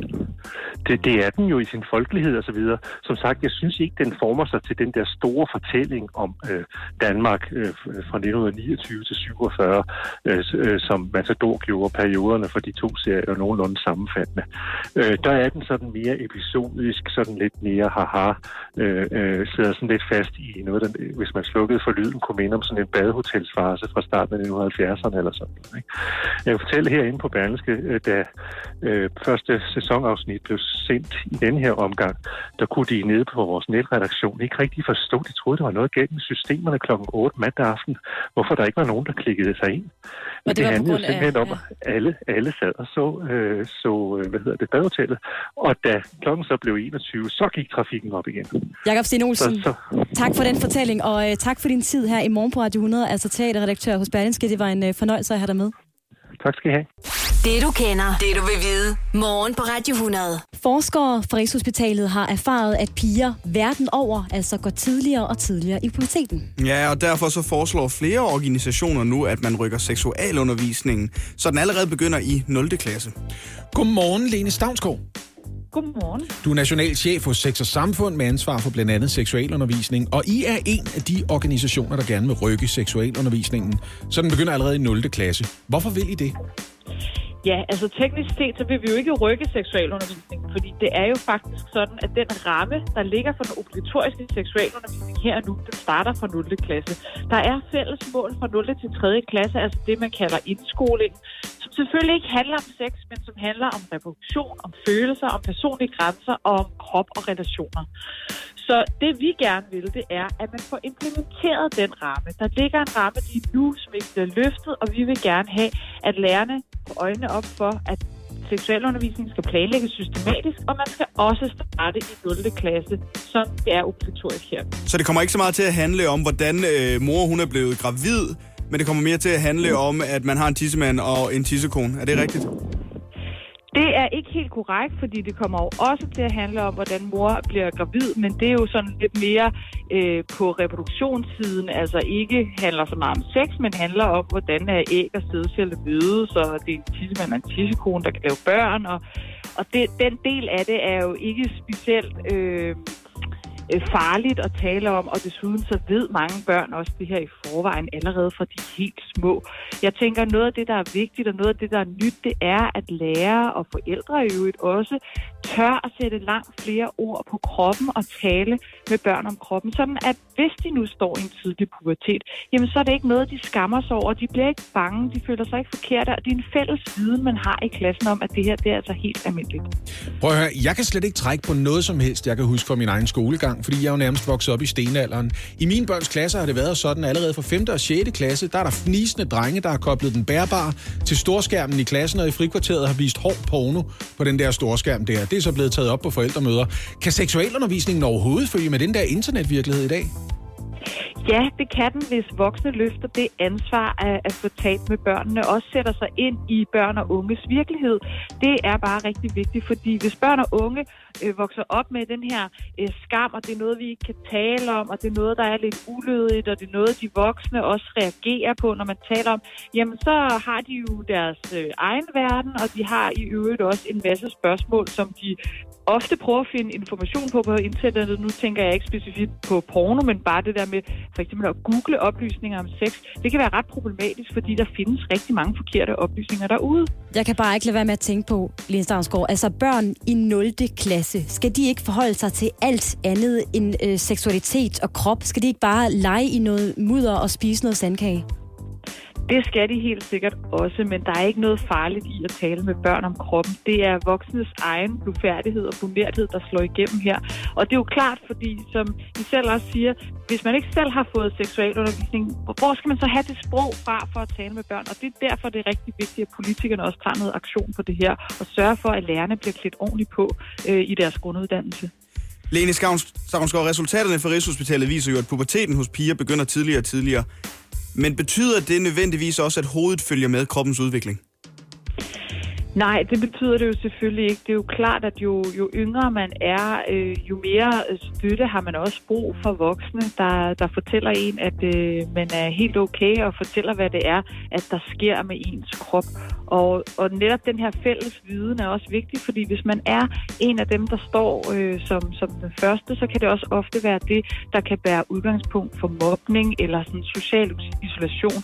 Og derfor er det vigtigt, at vi både tager det som forældre derhjemme og tager det i skolen, hvor det bliver en fælles viden i klassen. Lene Stavnsgaard, du er nationalchef hos Sex og Samfund med ansvar for blandt andet seksuel undervisning. Tak for din tid her til morgen. Det var så lidt. Hjælp en, du holder af med at tage det første skridt til bedre hørelse. Få et gratis og uforpligtende hørebesøg af Audionovas mobile hørecenter. Så klarer vi det hele ved første besøg, tryk dig nemt i eget hjem. Bestil et gratis hørebesøg på audionova.dk eller ring 70 60 66 66. I skal lige hjælpe mig med at forstå noget her, Lasse og Oliver. Jeg er nemlig faldet over et såkaldt eksperiment, der for mig ikke umiddelbart giver mening. Og først og fremmest vil jeg gerne lige have jeres øh, lidt kortfattede bud på, hvad I egentlig tror, der sker, hvis en ung, kvindelig, øh, smuk influencer på 22 år lægger et billede ud af sig selv på Instagram, hvor hun er iført bikini. Det kommer an på hendes kropstype. Hvis hun har et højt BMI, så får hun at vide, at hun er modig og smuk. Ja. Og hvis hun har et lavt BMI og en veltrænet krop, så får hun at vide, at hun er hot. Hold nu kæft, hvor du lækker, mand. Jeg har lyst til at knalde dig. Og det var nemlig dig, der skrev øh, det nede i kommentarfeltet. Eller hvad det er, What? Hvorhen? Nej. Hun, men hun er, altså, hun er det, der har, hun har et lavt BMI. Nå, Og du okay. tænker hot, hothedskommentarer. Ja, men det, ja, så er der hvis- mænd, der slider ind i hendes DM's pæn- og siger, halløj, har du en kæreste? Hvad sker der lige her? Ja, lige Okay. okay. præcis. Det må simpelthen være det forventelige. Mm. Grunden til mit spørgsmål er, at jeg er faldet over en ung kvindelig Instagrammer, der hedder Sine Krav, som har delt et billede af sig selv iført bikini, hvor hun står og poser sådan lidt. Hun tager et billede ind i et spejl. Og det gjorde hun udelukkende, fordi hun lige ville se, hvad der nu ville ske. Nå ja, selvfølgelig. Nå. Fordi det er et mysterium. Det har vi, vi har slet ikke nogen datamængde, der kan forudsige, hvad sker der, Jamen, fordi- hvis du har en pæn krop og stiller dig op i badetøj på et, et, et, et billede på sociale medier. Vi har ikke prøvet det før. Nej, og, men, og det er sjovt, du siger det, fordi det var der jo nogen, der havde prøvet før. Fordi hende her, Signe Krav, havde lagt mærke til, at der var rigtig mange influencer og sådan almindelige piger generelt øh, på Instagram, der delte de her let påklædte billeder for at få flere likes og kommentarer. Ja, og ved du hvad det kaldes? Det kaldes thirst trapping. Det er det der, hvor man tager et billede i et spejl, og så siger man, oh my god, jeg har lige købt en ny kaktus til min hylde i badeværelset. Ja, og det er derfor, du står i dit undertøj lige nu, ikke? 100 procent. Men, og nu bliver det lidt fiffigt, fordi øh, hende her, Sara Krav, har aldrig før delt et billede af sig selv i bikini, fordi hun ikke vil være medvirkende til at gøre andre piger usikre på deres egen krop. Oh, what a humble brag. Ja, og det er det, det, er Jamen, det er det også lidt, derfor, ikke? der ikke er billeder af mig i badetøj I kan på min det. Instagram-konto. Prøv her, I vil simpelthen få det dårligt med jer selv, hvis I ser, hvor lækker jeg er. Ja. Hov, det- hvis man scroller langt nok ned på din Instagram-konto, så kan man godt finde... Ja, du skal tilbage til 2015, ikke? Men- Selfie queen derovre. Men altså, hun havde alligevel lyst til lige at finde ud af, hvad der egentlig ville ske. Hun var ikke meget for det at lægge det her billede ud, men hun ville lige, lige se og teste, hvad der skete, hvis hun nu gjorde det alligevel. Ej, hvor er det her bogus, mand. Og hvad skete der så? Jo, et, hun fik flere likes, end øh, hun normalt fik. Ja. Øh, to, hun oplevede, at flere ligesom gemte hendes billede, altså gemte det til senere. Tre, og hun oplevede, at flere øh, kommenterede billedet og skrev til hende øh, privat. Sjovt nok var der også flere mænd, øh, der øh, skrev lidt lumre kommentarer til mm. Det var det, der skete. Sikkert et eksperiment, hva'? Sikkert et eksperiment, ja. Ej, det var godt, hun tog ind for holdet, synes jeg. Jamen, og det var lidt det, fordi øh, hendes konklusion, og hun bruger jo i øvrigt det her til at advare andre kvinder om at lægge bikinibilleder ud, og hendes konklusion er, øh, at det her... Gør det ikke. Jeg har gjort det for jer, så I ikke skal gå frem i første linje. Og, ja. Prøv at høre, konklusionen er, billedet viser, hvor meget mere opmærksomhed et bikinibillede trækker, og hvad man skal være opmærksom på, hvis man vælger at dele Det et her- let påklædt billede. Er det mest Fie Laversønske, nogen nogensinde har gjort, uden at være Fie Laversen. Så først så lægger du et billede op af dig selv, hvor du synes, du ser lækker ud i bikini. For at se, hvad der sker. det det får du en masse opmærksomhed på. Så bagefter går du ud og siger, det var et eksperiment. Kan jeg få noget opmærksomhed til at sige, det skulle vi alle sammen tage at lade være med? Ja. Ja. Så det, det er en totrins raket, der begge to er uhederlige og uærlige, ikke? ja. Men der skete simpelthen det... Du vil gerne lægge et billede af dig selv i bikini Det er på lidt- Instagram. Hvad er min undskyldning for at gøre det? Fordi jeg plejer jo ikke at gøre det nu, så jeg har en god grund til at gøre det. Jamen, det er et var- eksperiment. Det Var er et det, eksperiment. var det dig, der i går, Lasse, sagde ud på redaktionen, at det svarer lidt til at spørge, jamen, vil du med i biografen? Nej, tak. Jamen, det har jeg heller ikke lyst til alligevel.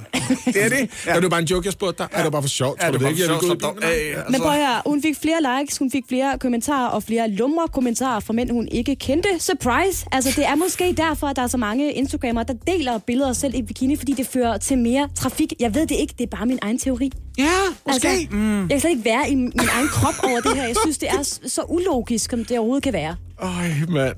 Ja, men det er jo også, fordi hun ikke er ærlig. Hun er ikke ærlig om, hvad hun har lavet. Hun har længe gerne vil lægge et billede op, og hun tænker ved sig selv, uh. men jeg vil gerne være en af dem, der påstår, at jeg Ja. gerne vil fremme nogle bedre værdier end det. Og så kunne hun alligevel ikke lade være, fordi hun tænker, jeg har faktisk en ret awesome krop i den her bikini. Fuck it, mand. Nu lægger jeg det her billede op, så får jeg lige likes, og så bagefter, så kan jeg sige, by the way, Lad her kommer det, det. næste trin. Berlinske, skriv jeg ikke lige en artikel om, at det er en Ja. dårlig idé at lægge billeder op af bikini, mens I bruger et billede af mig i bikini, og skriver, hvor man kan finde mig på Instagram, så jeg kan få nogle flere følgere. Præcis. Og det her billede, altså det var jo et eksperiment, ikke? Men det her billede, det ligger der stadigvæk. Og det ligger der stadig. Det ligger der stadigvæk. Selvom hun er færdig med eksperimentet. Eksperimentet er jo færdigt. Hun har fundet ud af, Okay, der det kunne ellers arkiveres, skulle man ligesom sige. Ja, det ja, ja. kunne jo godt bare ja, Yes. arkiveres. Det. Eller... Og ved I, hvad vi lige har gjort? Vi har lige fortalt lidt flere følgere. Åh, vi er nogle nyttige idioter, mand. Hvad fanden Hun tænker vi på har her? os lige, hvor hun vil have os. Ja. Prøv her, venner. Hvis man sætter sig i vandkanten, får man våde trusser.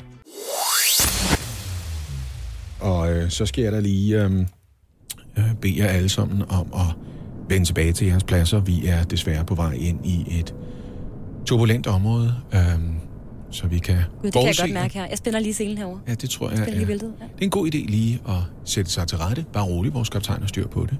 Og han skal nok bringe os sikkert frem til vores destination, det er jeg helt sikker på. Sådan formoder jeg, at det har øh, lyttet i bestyrelseslokalet hos SAS i går. Fordi altså turbulens er et mildt ord for, hvad der skete, da SAS smed en knap tre minutter lang branding-reklame-video på markedet. Der er noget snak om, øh, at opmærksomheden omkring den her video øh, den er blusset op i særdeleshed på højre radikale sider og øh, på troldefabrikker rundt omkring på internettet. Men før jeg siger mere om den, mm. skulle vi så ikke lytte en lille smule til, hvordan den begynder, og hvad det er, der har gjort folk så vrede? Prøv at høre. What is truly Scandinavian? Grattis! Absolutely nothing. Ja, det er det, der har gjort folk vrede, ikke? Hvad er sandt skandinavisk? Absolut ingenting. Ja. Prøv at høre, siger de det på den her måde, ikke? Nada. Niente. There is no such thing. Everything is copied. Ja, ja, ja. Alt, hvad der er skandinavisk, har vi taget fra andre lande. Men prøv at høre, det vil også... Ja, ja. Øh, det har gjort folk vrede i sagens natur. Se, SAS mener tydeligvis, at de har lavet en næsten tre minutter lang video, som handler om, hvordan skandinaverne er særligt dygtige til at tage impulser fra hele verden, altså rejse ud mm. og komme hjem med gode idéer, med opfindelser, øh, med innovation, som vi så har sat sammen på vores egen unikke måde. Men alt er lån fra andre kulturer. Og det er jo egentlig sandt nok. Al kultur er jo inspireret i et eller andet omfang af andres kultur eller indtryk. Øhm, møder imellem kultur og mennesker, det er jo ikke et nulsumspil. Det er Nej. jo en udveksling, hvor alle bliver rigere. Det er faktisk sådan, at det er endt med, at homo homo sapiens, øh, den art, som vi alle sammen tilhører, øh, viser at være stærkere end nogen af de andre. Jeg kan godt forstå budskabet i det her. Jeg kan godt forstå, at det kommer fra SAS, som jo i sagens natur er interesseret i, at vi rejser ud i verden Ja, ja. og bliver inspireret We are travelers af er deres andre, for præcis, af andre kulturer. Ja. Men øh, måske er det i virkeligheden måden, det bliver serveret på, der øh, er en lille smule øh, problematisk her. Og det er jo det, de glemmer. Ja. Fordi hvis de gerne vil komme med budskabet om, prøv at høre, vi udveksler hele tiden idéer alle sammen. Alt er et sammensurium af nogle ting, som har været grænseoverskridende, som er skvulpet rundt på tværs af verdensdele, på tværs af nationalstater, og sådan er vi alle sammen blevet dygtigere, sådan er vi alle sammen blevet klogere. Det er særligt skandinavisk, er ikke særligt skandinavisk. Det er en stor gryderet af ting, som vi har samlet op rundt omkring. Det vil være et fedt budskab, hvis du sagde det samme om alle kulturer. Ja. Men det er bare det, der er problemet. Hvad de får sagt, det er, det er kun skandinaver, der ikke har noget særligt. Fordi alt, hvad vi har, der er noget særligt, det kommer fra lande, der har noget særligt. Hvor har vi fået forældreoverlov fra? Det fandt de på i Schweiz. Der var det en original idé. Hvor har vi kødboller og frikadeller fra? Det er tyrkerne, der har fundet på det. Det er en original idé. Hvor kommer det skandinaviske demo- demokrati fra? Der, hvor alle demokratier kommer fra. Grækenland oprindeligt. Mm. Og så videre. Og så videre. Og det er det, der har gjort folk rasende Det er hele tanken om, at der er masser af kulturer, som har fået originale idéer, men skandinaver, alt hvad vi har kunnet finde ud af, det er at rejse ud i verden og stjæle vores idéer. Ja. Det bliver også sagt i reklamen undervejs. Vi er stadigvæk bare vikinger. Så vi tager til synligheden rundt og plønder andres Ja. kulturer, og det er alt, hvad vi har at tilbyde. Vi kommer ikke med noget til sammenskudskildet. Vi æder bare Vi og tager skider bare, igen. ja. Og det er lidt det, der er problemet. Det er, SAS får også lige præsenteret de mennesker, de gerne vil gøre til kunder, som en form for græshopper, der bare tager ud og æder, og så tager hjem igen. Ikke? Men det var vel ikke budskabet, men jeg kan, jeg kan godt... Det var ikke det, der var hensigten, det er jeg klar over. Jeg kan godt følge det her med, jeg har, jeg har også set den her reklamevideo, og da der bliver sagt, we're no better than the Vikings. Altså, vi er ikke bedre end vikingerne var. Det, det er og simpelthen det er vi i den grad. Prøv at, altså. altså. hvor mange mennesker er der ansat hos øh, SAS?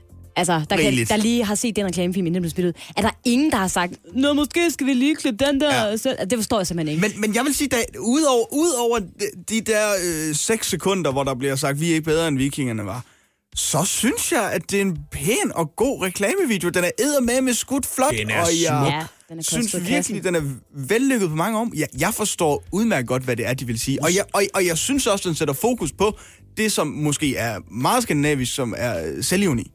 Kunne den måske så have gjort det sådan her i stedet for, for det ville have været lige så sandt med det samme budskab. Hvad er enestående skandinavisk? Alt. Det hele er på en måde enestående, for intet er enestående. Det kunne du lige så godt have sagt. Eller du kunne have rundet hele reklamen af med at sige, så vi rejser ud i verden og tager impulser med hjem, forfiner og raffinerer og sætter det hele sammen til noget lidt nyt, der stadigvæk i virkeligheden bare er inspireret. Og måske er det det, vi kan. Mm. Måske er det det, der er enestående. Fordi det er det andet problem med den her reklame. Hvis du vil påstå, at der ikke er noget enestående ved at være skandinavisk, hvorfor fanden skal jeg så vælge Scandinavian Airline Systems? Hvis det eneste, der kendetegner jer, det er I skandinaviske, og skandinavisk, det ikke kan en skid. Hvorfor skal jeg så vælge jer? Så skal jeg da netop vælge dem, der har de originale idéer i stedet for. Mm. Dem, som er de originale flyselskaber, som tilbyder mig et eller andet, som I ikke bare har kopieret. Kan du se, hvad jeg mener? Jeg Så skulle du det mindste skifte navn da, på et eller andet tidspunkt og sige, det er lige gået op for os. Skandinavisk, det er der ikke en skid enestående ved. Så vi skulle nok nødt til at finde på et andet navn. Men det er jo også, altså det er måden, det bliver serveret på her, der er problemet. Fordi jeg kan også godt lide, jeg er enig med dig, Oliver, jeg kan godt lide, øh, jeg kan egentlig meget godt lide budskabet, og det var sådan en reklame, det kan jeg godt lide, der fik mig til at, at tænke over tingene. Men jeg synes samtidig også, at det er lidt et øh, gok i hovedet på øh, skandinaver, og det siger, prøv her, I er ikke en skid, mennesker. Altså, I er ikke en skid øh, bedre end alle andre. Altså, Prøv at høre, det, altså det reklamen samtidig siger, ikke? det er sammenfattet i en fremragende bog, der hedder øh, Det kreative samfund. Den er skrevet af Lars Tvide. Det er ham, der øh, har pådraget sig folkets vrede ved at, ved at kaste rundt med Pernille Vermund Ja, tak. fra Nye Borgerlige. Ikke? Mm-hmm. Han er en begavet forretningsmand, som bor i Schweiz. Den her bog, den fik seks hjerter i politikken for eksempel. Den står hjemme i min bogreol. Den er skide godt skrevet, og den siger i praksis det, jeg tror, SAS gerne vil sige med den her reklame. Nemlig, at vi alle sammen er blevet dygtige af at udveksle idéer ved at møde hinanden, og ved at forstå, at når jeg kommer med en idé, som du ikke havde fået i forvejen, så kan jeg lære noget af dig, og du kan lære noget af mig, og på den måde, så kan vi gå fra det møde og være blevet klogere og rigere, begge to, mm. uden nogen af os har mistet noget. Det er en af den slags transaktioner, som gør alle rigere, hvor ingen bliver fattigere. Og det er det, der har gjort, at lige præcis vores, vores gren af, af menneskearten er endt med at stå sejrigt på toppen af pyramiderne, ikke? Men det er bare ikke det, reklamen siger. Altså, jeg, jeg er klar over, at de tror, det er det, reklamen siger. Men de siger eksplicit noget andet. De siger, vi kom til det møde uden en skid, og tog fra det møde. Men senere den her morgen, der kan vi høre det fra hestens egen mund. Fordi vi skal nemlig tale med pressechef hos SAS, Christoffer Meinert, så kan han fortælle os, hvad deres vinkel på det her det har været, og hvad de selv synes om den shitstorm, som SAS har været ude i. Ej, så er det godt, jeg lige har fået taget trykket af kæden lige nu. Ja, men skal, og skal vi ikke lige afslutningsvis sige her, SAS har jo fjernet den originale reklamevideo, klippet den til og lagt en ny version op, som ifølge dem måske ikke kan misforstås helt så meget. For det er modtagerne, der er fejlen, og ikke det. afsenderne. Det er Selvfølgelig er det det. Vi skal en tur til øh, Sydkorea, øhm, og det skal vi, fordi de har udviklet noget, som jeg faldt over i løbet af ugen, og som jeg gerne vil have, at vi skal sådan tale lidt om, hvordan det etisk kan, kan lade sig gøre, hvad vi egentlig selv synes om det her. Det handler om øh, Nayeon. Hun var syv år gammel, og der døde hun af en uhedbredelig øh, sjælden sygdom. Det var i 2016. Og nu har et, øh, nogle sydkoreanske programmører ved hjælp fra teknologien og virtual reality vagt pigen til livs i sådan her avatar, som man ser, når man har de her virtual reality-briller på. Og i en dokumentarfilm, der hedder I Met You, der har det her hold så iscenesat mødet mellem moren, som hedder Jang Ji-sun, øhm, og den virtuelle udgave af Nayeon. Og de mødes i en park, hvor de plejede at lege sammen, øh, moren og, øh, og datteren, og man har simpelthen givet datteren den samme stemme, som hun rent faktisk også havde, øh, inden hun døde. Vi kan lige prøve at høre lidt af det. Det er på koreansk, men det lyder sådan her. 어딨어? 엄마! 엄마! 엄마 어디 있었어? 엄마 항상 엄마 내 생각했어? 맨날 해. 아니 엄마 많이 보고 싶었어. 엄마도 너 보고 싶었어. Altså, det skal lige siges, at grafikken øh, her er vanvittig naturtro. Ja, altså, det er meget naturtro. øh, øh, pigen ligner et syvårigt barn. Omgivelserne er vanvittigt Jeg naturtro. kan slet ikke holde ud og høre på det der. Ja, de mødes som sagt i den her park, som de, øh, som de legede i sammen. Og m- pigen her, Neon, øh, det hun spørger om er, mor, hvor var du? Og der bliver også spurgt, har du tænkt på mig? Øh, morens "Ja, det, det gør jeg hele tiden. Altså, som vi kan høre, mens dem, der, der fuldstændig er ved at knække. Jeg skal lige forstå det her. Man tager en mor, der har mistet et barn. Ja. Så genskaber man det her barn med noget virtual reality. Ja. Samme stemme, samme udseende. Øh, tager en lokation, hvor de har været vant til at lege sammen. Så giver man moren de her briller på, sådan så hun ser sin datter i nærmest levende liv og kommunikerer med hende. Yep. Må jeg sige, i denne her programserie, der gør man det altså med forskellige efterladte og de mennesker, de har mistet. Og det er ikke kun børn. Altså, det kan sagtens være for eksempel ens øh, aldrende mor, mm. man får en mulighed for at tage afsked med. Og det er ideen, at det er en mulighed for at behandle sorg, når man ikke kan komme sig over tabet af nogen, man elskede. Men hvad synes I så om den her idé med at behandle sorg, når man ikke kan komme sig over tabet? Så for mig tænker jeg, der er, det, der er det måske lidt mere... Jeg synes, det er vanvittigt. Altså, jeg synes, det er vanvittigt, at man kan gøre det her. Men samtidig så har jeg det også sådan, at hvis det her rent faktisk er en, øh, en hjælp, altså hvis det her det kan hjælpe øh, denne her mor, eller, eller en, der har mistet sin forældre, eller sin øh, ægtefælle, eller hvad vi nu er ude i, hvis det kan hjælpe med at bearbejde en sorg, så synes jeg, det er fint. Men jeg er lidt bekymret for, om det her måske kan gøre det modsatte. Mm. Altså om ens savn måske bliver forværret, om man får en forkert opfattelse af, hvad der er virkelighed, og hvad der ikke er virkelighed. Det her, det virker jo som tilløbet til et afsnit af den der tv-serie Black Mirror. Altså, det gør det jo. Ja. At det her, det kunne godt forgrene sig ud i noget, som, som overhovedet ikke er sundt for nogen. Og der kan man sige, det er jo op til denne her sørgende mor selv at tage stilling til, om det virker for hendes vedkommende eller ej. Men jeg vil sige det her også. Hvis man har andre børn, så synes jeg, det er risikable ved et fænomen som det her. Især hvis det går hen og bliver sådan kommercielt tilgængeligt. Mm. Det er, at den her syvårige pige, der bliver rekonstrueret, hun er den idealiserede, perfekte udgave af den datter, du mistede. Hun er ikke 13 eller anstrengende. Du kan slukke for hende, når du vil. Hun siger ikke ting, som er uforskammede eller ubehagelige, eller hun opfører sig ikke på en måde, som er grænseoverskridende eller trættende for dig. Så hun er ligesom det perfekte barn, og du kan tage dine briller på, så har du en perfekt datter, mens de børn, du har i virkeligheden, Ja. de i sagens natur er menneskelige og fejlbarlige, og du elsker dem, altså alt inklusive, ikke? Og de skal lige pludselig måske til at konkurrere med, at mor tager et par briller på og er væk, fordi nu skal hun lige være sammen med sin perfekte døde datter. Men det her er jo også et, øh, igen et tegn på, at teknologien bliver bare hele tiden vildere og vildere og vildere. Altså når man kan tage stemmen fra en syvårig pige, der, der er død, og sætte den på en avatar ind i en virtual, virtual reality-verden, så er vi henne et sted med teknologien, hvor jeg er bekymret for, er det her virkelig nødvendigt? Altså jeg vil... Men det er jo igen bare min personlige holdning. Jeg vil ikke have brug for at tage virtual reality-briller på og, og se min farfar sådan, som han var, da han døde. Altså, det vil jeg ikke bryde mig om. Jeg kan bedre lide billedet af min farfar, sådan som jeg husker ham. Sådan som Ja. jeg, alle de minder, jeg har med ham. Ja, de mennesker, vi har mistet, de lever videre i rendringen af de historier, vi fortæller hinanden om dem, ikke? Lige præcis. Men samtidig er det jo også sådan, jeg vil have svært ved, altså hvis det her det rent faktisk bliver muligt øh, for, for almindelige mennesker, så vil de have svært ved at nægte en mor, som vi hører her for eksempel, at kunne at se sin øh, døde datter, hvis hun har brug for at genop, få genoplevet hende på en eller anden måde. Hvis det bare betyder rigtig meget for hende, så er jeg sådan lidt, ved du hvad, du er et voksen menneske. Det skal, hvis der, og muligheden er der, det skal du selv bestemme. Ja, hvem er jeg at afgøre, hvad der virker for dig? Jamen ikke? lige præcis, men jeg er også enig i, at det kan ende for at bruge en lidt irriterende terminologi i en, altså i en glidebane, hvis man lige pludselig øh, altså, mister opfattelsen af, hvad der er sket i virkeligheden, og hvad der ikke er sket i virkeligheden. Ikke? Ja, hvis det bliver et tilflugtssted, som gør, at du ikke kan komme videre. Lige præcis. Altså, hvis det hjælper til closure, som amerikanerne kalder det. Altid også. Ja. Men det kunne også holde såret åbent. Ja, og man kan jo få brug for os at bruge det her igen og igen og igen, og, og hvad hjælper det egentlig så? Mm. Det er i hvert fald øh, ja, et program og en dokumentarserie, der har øh, spredt sig meget, meget hurtigt. Ja, og vi, øh, ja, Og en spændende diskussion, Og en meget, altså. meget, lige præcis en, en mega spændende diskussion om, hvad der egentlig er etisk det rigtige at gøre i sådan her situation. Og det er svært at sætte sig ind i for nogen, tror jeg, fordi det vil være forskelligt fra person til person. Men sandheden er bare nu, at det i hvert fald er muligt at rekonstruere personer, som vi har mistet, så vi kan opleve dem igen på den måde, som vi husker dem på. Det her er på dansk tv, inden der er gået fem år. Mærk dig mine ord. Mm. Hvis du har sagt til nogen for 20 år siden, en dag kommer der et program, der hedder Gift ved første blik, hvor du går direkte ind til en rådmand, og så lige pludselig er du gift med nogen, du ikke kender. Så har de sagt, det var sindssygt, mand. Hvor, hvem fanden skulle lave det i en eller anden lortekanal? Nej, det er. Ja. Det er kommer til at Det er lave public service. Ja, lige præcis. Ja. Ja. Så jeg garanterer dig for, at vi kommer til at se det på en dansk tv-kanal inden for de næste 5-6 år. Det er jeg ret sikker på.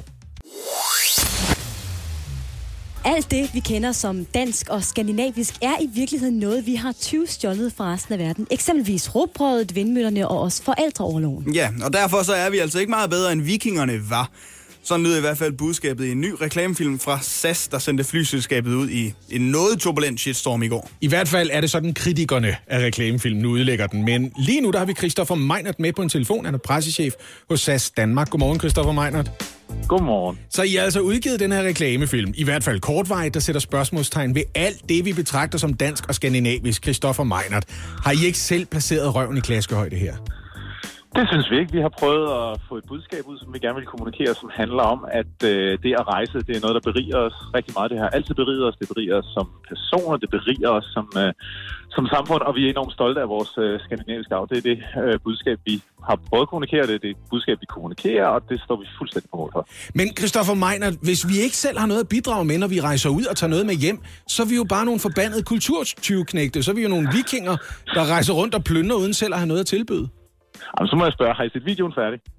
Ja, jeg har set videoen færdig. Nå, men det var godt, fordi altså, det, som jo egentlig er budskabet i det, det er, at det, man måske kan se på, der er enormt skandinavisk, det er, at vi har været sindssygt dygtige til at lade os inspirere fra resten af verden, og så perfektionere det og gøre det til vores eget af den vej. Det er jo det budskab, vi prøver at komme ud. Det er, jo- det er, jo, ikke, det er jo ikke, at vi er nogle kultursnyldere. I har været ude at sige, at den her reklamefilm har været udsat for et koordineret cyberangreb. Hvad betyder det? Ja, der vil jeg så godt indrømme, at der har lige været, været lige brugt nogle forkerte ord, for det cyberangreb er jo som sådan et hackerangreb, og vi er ikke blevet hacket eller noget som helst. Det, jeg mener, vi har været udsat for, det er et, øh, et, et koordineret shitstorm på de sociale medier. Det kan vi se ved, at der er begyndt at komme et budskab fra startende fra meget få konti, som handler om, at man skal gå ind og boykotte SAS.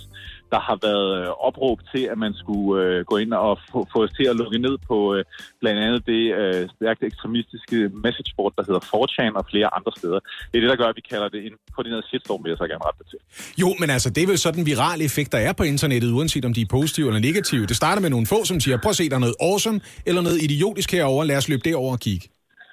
Der kan være, øh, jo, der, der er jo forskel på, altså vi I anerkender fuldstændig, at der er folk, der ikke kan lide reklame. Det er ikke fordi, vi siger, at al kritik er det er bare folk, der har koordineret det, og bare har lyst til at ville os det er bund sådan per se. Men at når man går ind og, altså vi, mener, der er, vi kan se, der er en vis form for, for koordination i, når man siger, nu skal I alle sammen gå ind og gøre de her slags ting. Det er blandt andet nogle metoder, man kender fra, øh, når der bliver iværksat angreb mod politiske partier og, og politikere og den slags. Christoffer Meiner, de har jo valgt at fjerne den originale reklamefilm og klippe den markant kortere. Er det et udtryk for, at I faktisk alligevel godt forstår den her kritik, I har modtaget? Det må jeg sige, det er forkert, fordi den øh, for lange version, den ligger fuldstændig tilgængelig inde på YouTube. Der kan man se den. Der, øh, der ligger den stadigvæk. Øh, det er helt almindelige marketingskampagner. Man laver sådan flere forskellige udgaver af en reklame. Og det er det, vi har gjort. Det har hele tiden været planlagt. Det er ikke noget, vi, vi klipper om på på, øh, øh, på grund af den her sag. Nu siger du også, øh, har I set reklamen færdig, men den er jo næsten tre minutter lang. Altså, øh, er det ikke lang tid at formode, at folk kigger med, før de kommer frem til et payoff, som siger, bare rolig. Så voldsomt mener vi det heller ikke. Altså, det, det, det kan man jo altid diskutere, om, om, om, om den er for lang. Altså, vi, vi, vi, synes jo, vi, vi, vi håber jo netop, at folk vil, vil, vil, vil se den og sidde og tænke, ej, hvad, hvad, hvad er det her for noget? Det bliver jeg simpelthen nødt til at se færdig for at finde ud af, hvad, hvad, hvad, hvad er budskabet i denne her? Og så, som sagt, kan man diskutere, om, om det har været lidt for langt og lidt for meget ved af folk. Må jeg ikke lige spørge, passer det ikke, at de fjernede det originale link i går? Den, den var væk en kort overgang, og det er som sagt, fordi altså, SAS har været udsat for et angreb, vi aldrig nogensinde har været udsat før i, uh, i SAS' historie. Der havde vi brug for lige at trække stikket og lige tænke os om, og, øh, og, og lige få lagt øh, bølgerne ned på det her enorme angreb, vi har været udsat for, og finde ud af, hvad vi gør. Og vi har så besluttet, at vi fortsætter den her kampagne, som, som vi hele tiden har planlagt. SAS er jo en ret stor virksomhed, Christoffer Meiner. Er der ingen hos jer, der lige har overvejet øh, en ekstra gang, hvad konsekvenserne af den her reklamefilm kunne være? Altså det eneste, jeg kan sige, det er, at det vi har prøvet at kommunikere, det er det budskab, at, at det at rejse, det er, det er noget, der beriger os, og det er noget, vi fuldstændig står på mål for. Christoffer Meiner, pressechef hos SAS Danmark. Tak for din tid her til morgen. Selv tak, han god morgen. Der er ikke meget kærlighed i luften i Sønderjylland. I Sønderjylland? Øh, I hvert fald ikke i visse kredse lige for øjeblikket. Nej, det er korrekt. Der er simpelthen øh, opstået en øh, lille konflikt, vil jeg gerne kalde det, øh, i anledningen af genforeningen. Det, I mandags var det jo øh, 100 år siden, at sønderjyderne stemte sig hjem til Danmark, efter at have været tyske i over 50 år. Ikke? Mm.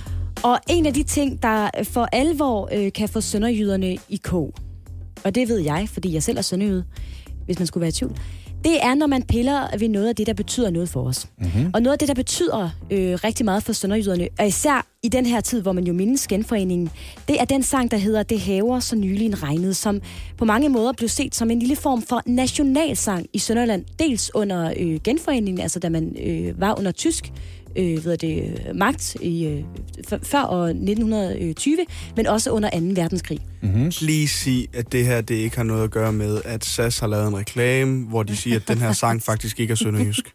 Det har ikke noget med det at gøre. Okay, godt. Nej, Uha. men man har billedet ved noget, der er sønderjysk. Og lad os lige høre den originale øh, version af Det haver så ny- nylig regnet lige her. Det haver så nylig en regnet, det har stormet og pisket i Og nu skal man lidt mærke, lægge mærke til teksten her, ikke?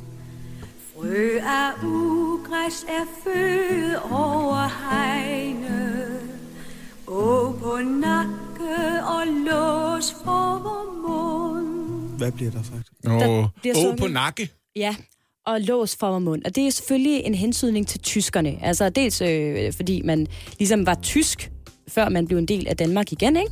Ja. Og dels fordi, at man jo var besat af tyskerne under 2. verdenskrig. Så det skal ligesom- lige sige, altså den her salme, den er sådan, den er, øh, når vi kommer frem til 2. verdenskrig, allerede en 60 år gammel eller sådan Ja, noget. det er den nemlig. Ja. Men det bliver set som en protestsang øh, hos Sønderjyderne. Og i anledning af genforeningen, der har Sigurd Barrett været inde og nyfortolke den her øh, tekst øh, på opfordring af Grænseforeningen. Og nu er den altså kommet til at lyde sådan her. Det har været et vildt og voldsomt regnvejr, og det drøber fra træerne endnu. Nu skal man lægge mærke til det. Frygt for andre har hersket på vor egen her, og fremmedhed sprængte tillidsbånd i tu. Ja, okay, det er det stik modsatte budskab, kan man sige, ikke? Det er det nemlig. Ja. Altså, han har lavet en sang, der er, øh, eller en tekst, der er meget mere imødekommende. Altså, frø er ugræs af føde over hegnet. Å på nakke og lås for vor mund er blevet erstattet med frygt fra andre har hersket på vor egen her, og fremmed havde sprang det tillidsbånd i to. Han får simpelthen sagt, at sønderjyderne har været en lille smule øh, fremmedhadske, og måske øh, burde have været lidt mere imødekommende. Ja, måske uh, hele besættelsen egentlig bare handlede om, at hvis vi havde haft en anden tone i debatten. Ja, så det godt være, altså, det er lidt det, ikke? Fint, Og, og det er man surer over, fordi... Fordi at han ikke har forstået overhovedet, hvad den her sang er blevet brugt til. Det er en historisk tekst, okay. Oliver. Ja. Men, men, men, men har, er det forkert, det som Sigurd Barrett siger? Altså, er det ikke i Sønderland, der er allerflest, der stemmer Dansk Folkeparti og Nye Borgerlige osv.? Jeg, ved, jeg, jeg synes ikke, at Dansk Folkeparti og Nye Borgerlige kan direkte oversættes til fremmedhed. Altså, der mangler lige nogle nuancer der, ikke? Altså, der er jo det der med, øh, jeg vil sige det her, der, der, det der med grænsekontrol og åbne grænser, at det er meget nemmere at have et afslappet forhold til, hvis man ikke bor i nærheden af en af dem, eller man bor i et land, hvor den der grænse, den er skulle frem og tilbage i løbet af de sidste 150 år. Jeg er helt enig. Jeg er helt enig. Men jeg, jeg, siger tror ikke, bare... jeg tror heller ikke, at den her sang skal ses i en øh, kontekst, der hedder øh, 2020. Jeg tror, at man øh, gerne vil bevare nogle af de historiske ting, den her sang blev brugt til.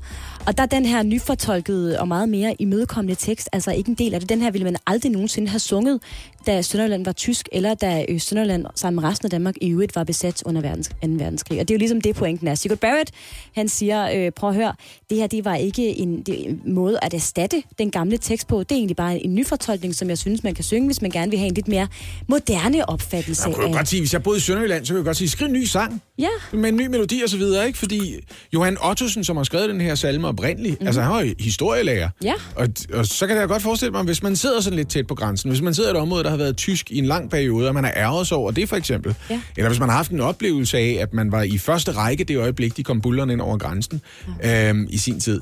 Ja, det kan godt være, at man føler, at det er en lille smule historieløst på mere end en måde. Det ved jeg ikke. Men der er jo også det i det, at man mener lidt, at det her det er en form for censur, som Sigurd Barrett har udøvet på en gammel historisk tekst. Ikke? Ah, men du kan jo godt synge begge der, teksterne, jamen, ikke? og det er det, øh, Sigurd Barrett siger. Men der er man simpelthen så ramt i Sønderland af, at man jo tidligere har været øh, under censur af tyskerne. Ikke? Ved vi, om Sigurd Barrett er på vej på en ny turné eller et eller andet? Fordi jeg kan ikke huske sidste gang, jeg har talt om Sigurd Barrett på den her måde. Men det her er en anden ting, ikke? Er Sigurd Barrett ikke altid på turné? Ja, det tror jeg faktisk, han er. Jeg tror, han er øh, på de dan- danske landeveje. Og min øh, konstant. personlige erfaring er, han er en skide sød mand, så hvis han siger, det har ikke været min intention at genere nogen, så tror jeg 100% på det. Det er jeg også overbevist Altså, jeg har aldrig nogensinde set Sigurd Barrett i en situation, hvor han tænkte, hvad sker der, mand? Kom med udenfor, mand. Så tager jeg den sammen med Bamsen, og der, prøv at høre, skal du tage grim til Bamsen, mand? Han er ikke ligefrem provokationens mestre, vel? Nej. Efter godt og vel to måneders vinterpause, så begynder Superligaen altså igen her i aften. Ja, den gør så, og det er vi altså mange, som der har glædet sig til. Mm. Men for at sørge for, at vi lige er ordentligt klædt på til opstarten, så har jeg ringet til Kasper Højgaard, kommentator hos Discovery. Godmorgen. Godmorgen. Kasper Højgaard, i efteråret, der var det FCK og FC Midtjylland, der løb med overskrifterne. Er det den vej, vi skal kigge for at se, hvem der bliver vinder af forårshalvåret her? Ja, det er det i hvert fald. I hvert fald, hvis vi kigger på, øh, på hvem der skal stå med pokalen til, til slut i maj, så er det FCK og FC Midtjylland, der kommer til at køre et, et ret interessant øh, parløb. Øh, der, der er jo et forspring på fire point til Midtjylland lige nu, så FC København skal virkelig stramme sig an. Men de, de fik lukket lidt af hullet mod slutningen af efteråret, og de kan, de kan selv afgøre det, fordi de ved, at de har to kampe mod Midtjylland, når slutspillet går i gang. Så det parløb, det er noget af det, jeg glæder mig til. Så udover at øh, parløbet mellem FCK og FC Midtjylland om hvem der skal vinde Superligaen i år, hvem skal vi så holde øje med her i øh, forårssæsonen, Kasper Højgaard? Jeg synes, øh, man kan ikke lade være at holde øje med Brøndby, for der er jo sket nogle interessante ting her hen over vinteren, hvor de har solgt deres dygtigste målscorer, topscorer Vilcek, og så også midtbanespilleren øh, Kaiser, som også har lavet masser af mål. Så hvordan gør Brøndby det lige, og kan Brøndby holde sig inde i top 6, som jo også er en, øh, en ting, der kommer til at handle om her de første seks runder frem mod øh, grundspillets afslutning. Så om Brøndby kan holde det forspring, de har. Øh, det er jo en kæmpe klub, Brøndby, så det er altid interessant med dem. Og så holdene nedeunder, som, øh, som både skal prøve at se, om de kan mase sig ind i top 6, men samtidig skal lægge afstand til nedrykningsstregen. Så der, der er sindssygt meget på, på spil omkring det her top 6, men samtidig også, fordi der er tre nedrykker, så skal, skal de hold, der prøver at kæmpe sig ind i top 6, de skal også kigge den anden vej. Hvem er din favorit til at løbe med mesterskabet i år, Kasper Højgaard? Det er FC Midtjylland, og det er det, fordi dels at de har det her forspring på fire point, og så også dels at de rent faktisk har, har styrket holdet siden øh, efteråret. De har fået tre rigtig dygtige offensive spillere ind i Ronny Svart, som har lavet masser af mål for Silkeborg, Lasse Vibe, som tidligere landsholdsspiller og er utrolig dygtig stadigvæk, og så Anders Dreyer, som er U21 landsholdsspiller, som også er målfarlig. Og, og på den måde er deres offensiv blevet styrket. Og hvis man skulle pege på noget i efteråret, der manglede hos FC Midtjylland, så var det, at de ikke lavede helt lige så mange mål som de øvrige tophold. Så nu er de også styrket på den front, så øh, jeg tror, at de, de har den ballast, der skal til, til at holde FC København bag sig. Kasper Højgaard, jeg er født i Smiles by i Aarhus. Det er Danmarks næststørste by. Hvordan fanden kan det være, at man nærmest skal være masochist for at holde med AGF? Og nu vil de ligge på en bronzeplads, hvad er så sandsynligheden for, at det bliver til medaljer i år? Ja, det var egentlig også tavligt af mig, at jeg ikke fik nævnt AGF øh, tidligere, da vi sagde, at vi ellers skulle lægge mærke til, fordi det er jo et af de hold, som, som rent faktisk har, har gjort det allerbedst i, i efterårssæsonen. Øh. Jeg synes, at hvis man holder med AGF, at man godt kan med rette tro på, at øh, der kommer medalje i år, fordi at holdet virker utrolig solidt, og der har været sådan ret meget ro på hen over vinteren her. Det virker som om, at man har, har fundet ind i en øh, bane, hvor man øh, kører samme vej alle steder i klubben, og, og dermed øh, har fået ro på bagsmækken. Og nu leverer man også resultaterne på banen, så jeg vil sige, at, øh, at AGF med, med det hold, de har nu, og den træner, de har, og den, øh, den stab, der er omkring ham, der kan man godt tillade sig at begynde at tro på lidt mere. Deres problem er bare, at de starter mod Randers, og dem har de rigtig svært med. Øh, altså, jeg har helt svært ved at tro på, at det overhovedet er AGF, vi taler om, når du bruger de her ord. Kasper Højgaard, du sagde det også øh, lidt tidligere. Der er tre nedrykker fra Superligaen i år. De tre øh, sidste pladser i Superligaen, de er i øjeblikket besat af Hobro, Esbjerg og Silkeborg. Hvor sandsynligt er det, det er også er de tre, der ryger ud af Superligaen, når vi er færdige?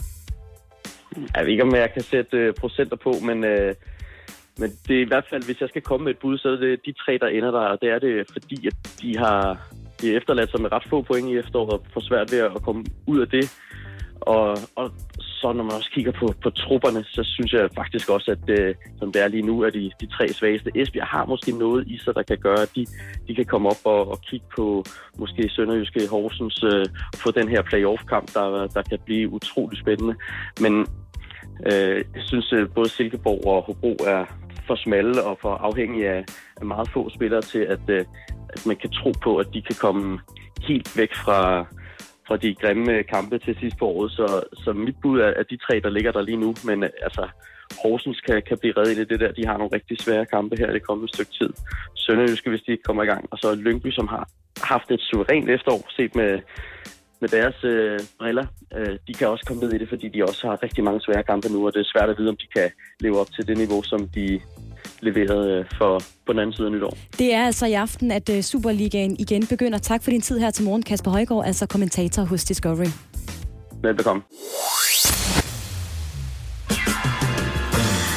Og det er den eneste rigtige måde at gøre det på. Og jeg vil godt have lov til at sætte jer ind i udligningsreformen. Oh. Vil I høre lidt om den? Ja. Ja. Regeringen er jo i gang med at forhandle en ny reform om kommunal udligning. Kommunal udligning, det er der, hvor man sørger for, at der ikke er nogen, der får for lidt. Der er ingen, der får for lidt. Alle får lige det, de har brug for. Er der et hul, du ikke selv kan finde ud af at fylde ud, så får du lige, hvor du står og savner en af de rigtig store kommuner. Uh, det hul, det bliver fyldt ud. Men de der forhandlinger om at fylde hullerne ud, de er ikke uden friktion. Nej. Nej, for de rige kommuner, de er bange for, at de får det lidt stramt. De kommuner, som har mest at gøre godt med, I ved, dem der er rigtig veludrustede, ikke? De siger, det her, det her med forhandlingerne, det er ikke bare som at få smæk, det er som at få dobbelt smæk. Ja, det er altså. Først på den ene balle, så på den anden balle. så de bliver helt ildrøde.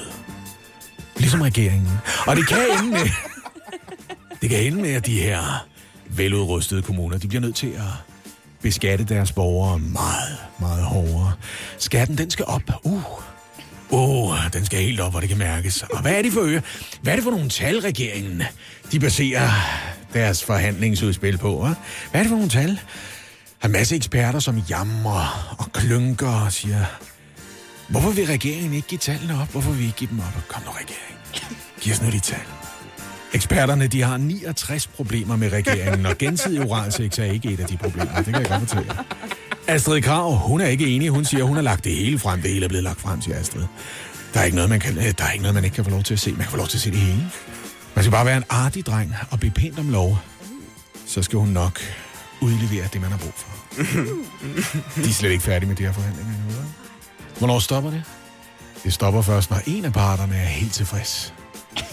Og jeg tror, at den anden part kommer til at sige, var det det? Var det virkelig alt, at du at tilbyde? Det er jeg ikke glad for. Men så siger den part, der er tilfreds, ved du hvad, heldigvis så kan jeg igen allerede om et år. så der kan vi lige mødes og se, om vi kan sørge for, at alle bliver tilfredse. Ja. Har I brug for at vide mere om kommunaludligningsreformen? hva'? Nej, tak. Okay, så smutter jeg lige ned og tager en smøg. Ja, det kan man sige. Hold nu op, mand. Ja, jeg ved det godt. Åh, oh, Lasse. Det var øh, cirka tre minutter. Mere kan jeg ikke. Jeg er bange for. Det er rigtigt. Det er Ja. rigtigt. Morgen på Radio 100 med Lasse Remmer, Anne Lavendt og Oliver Routledge.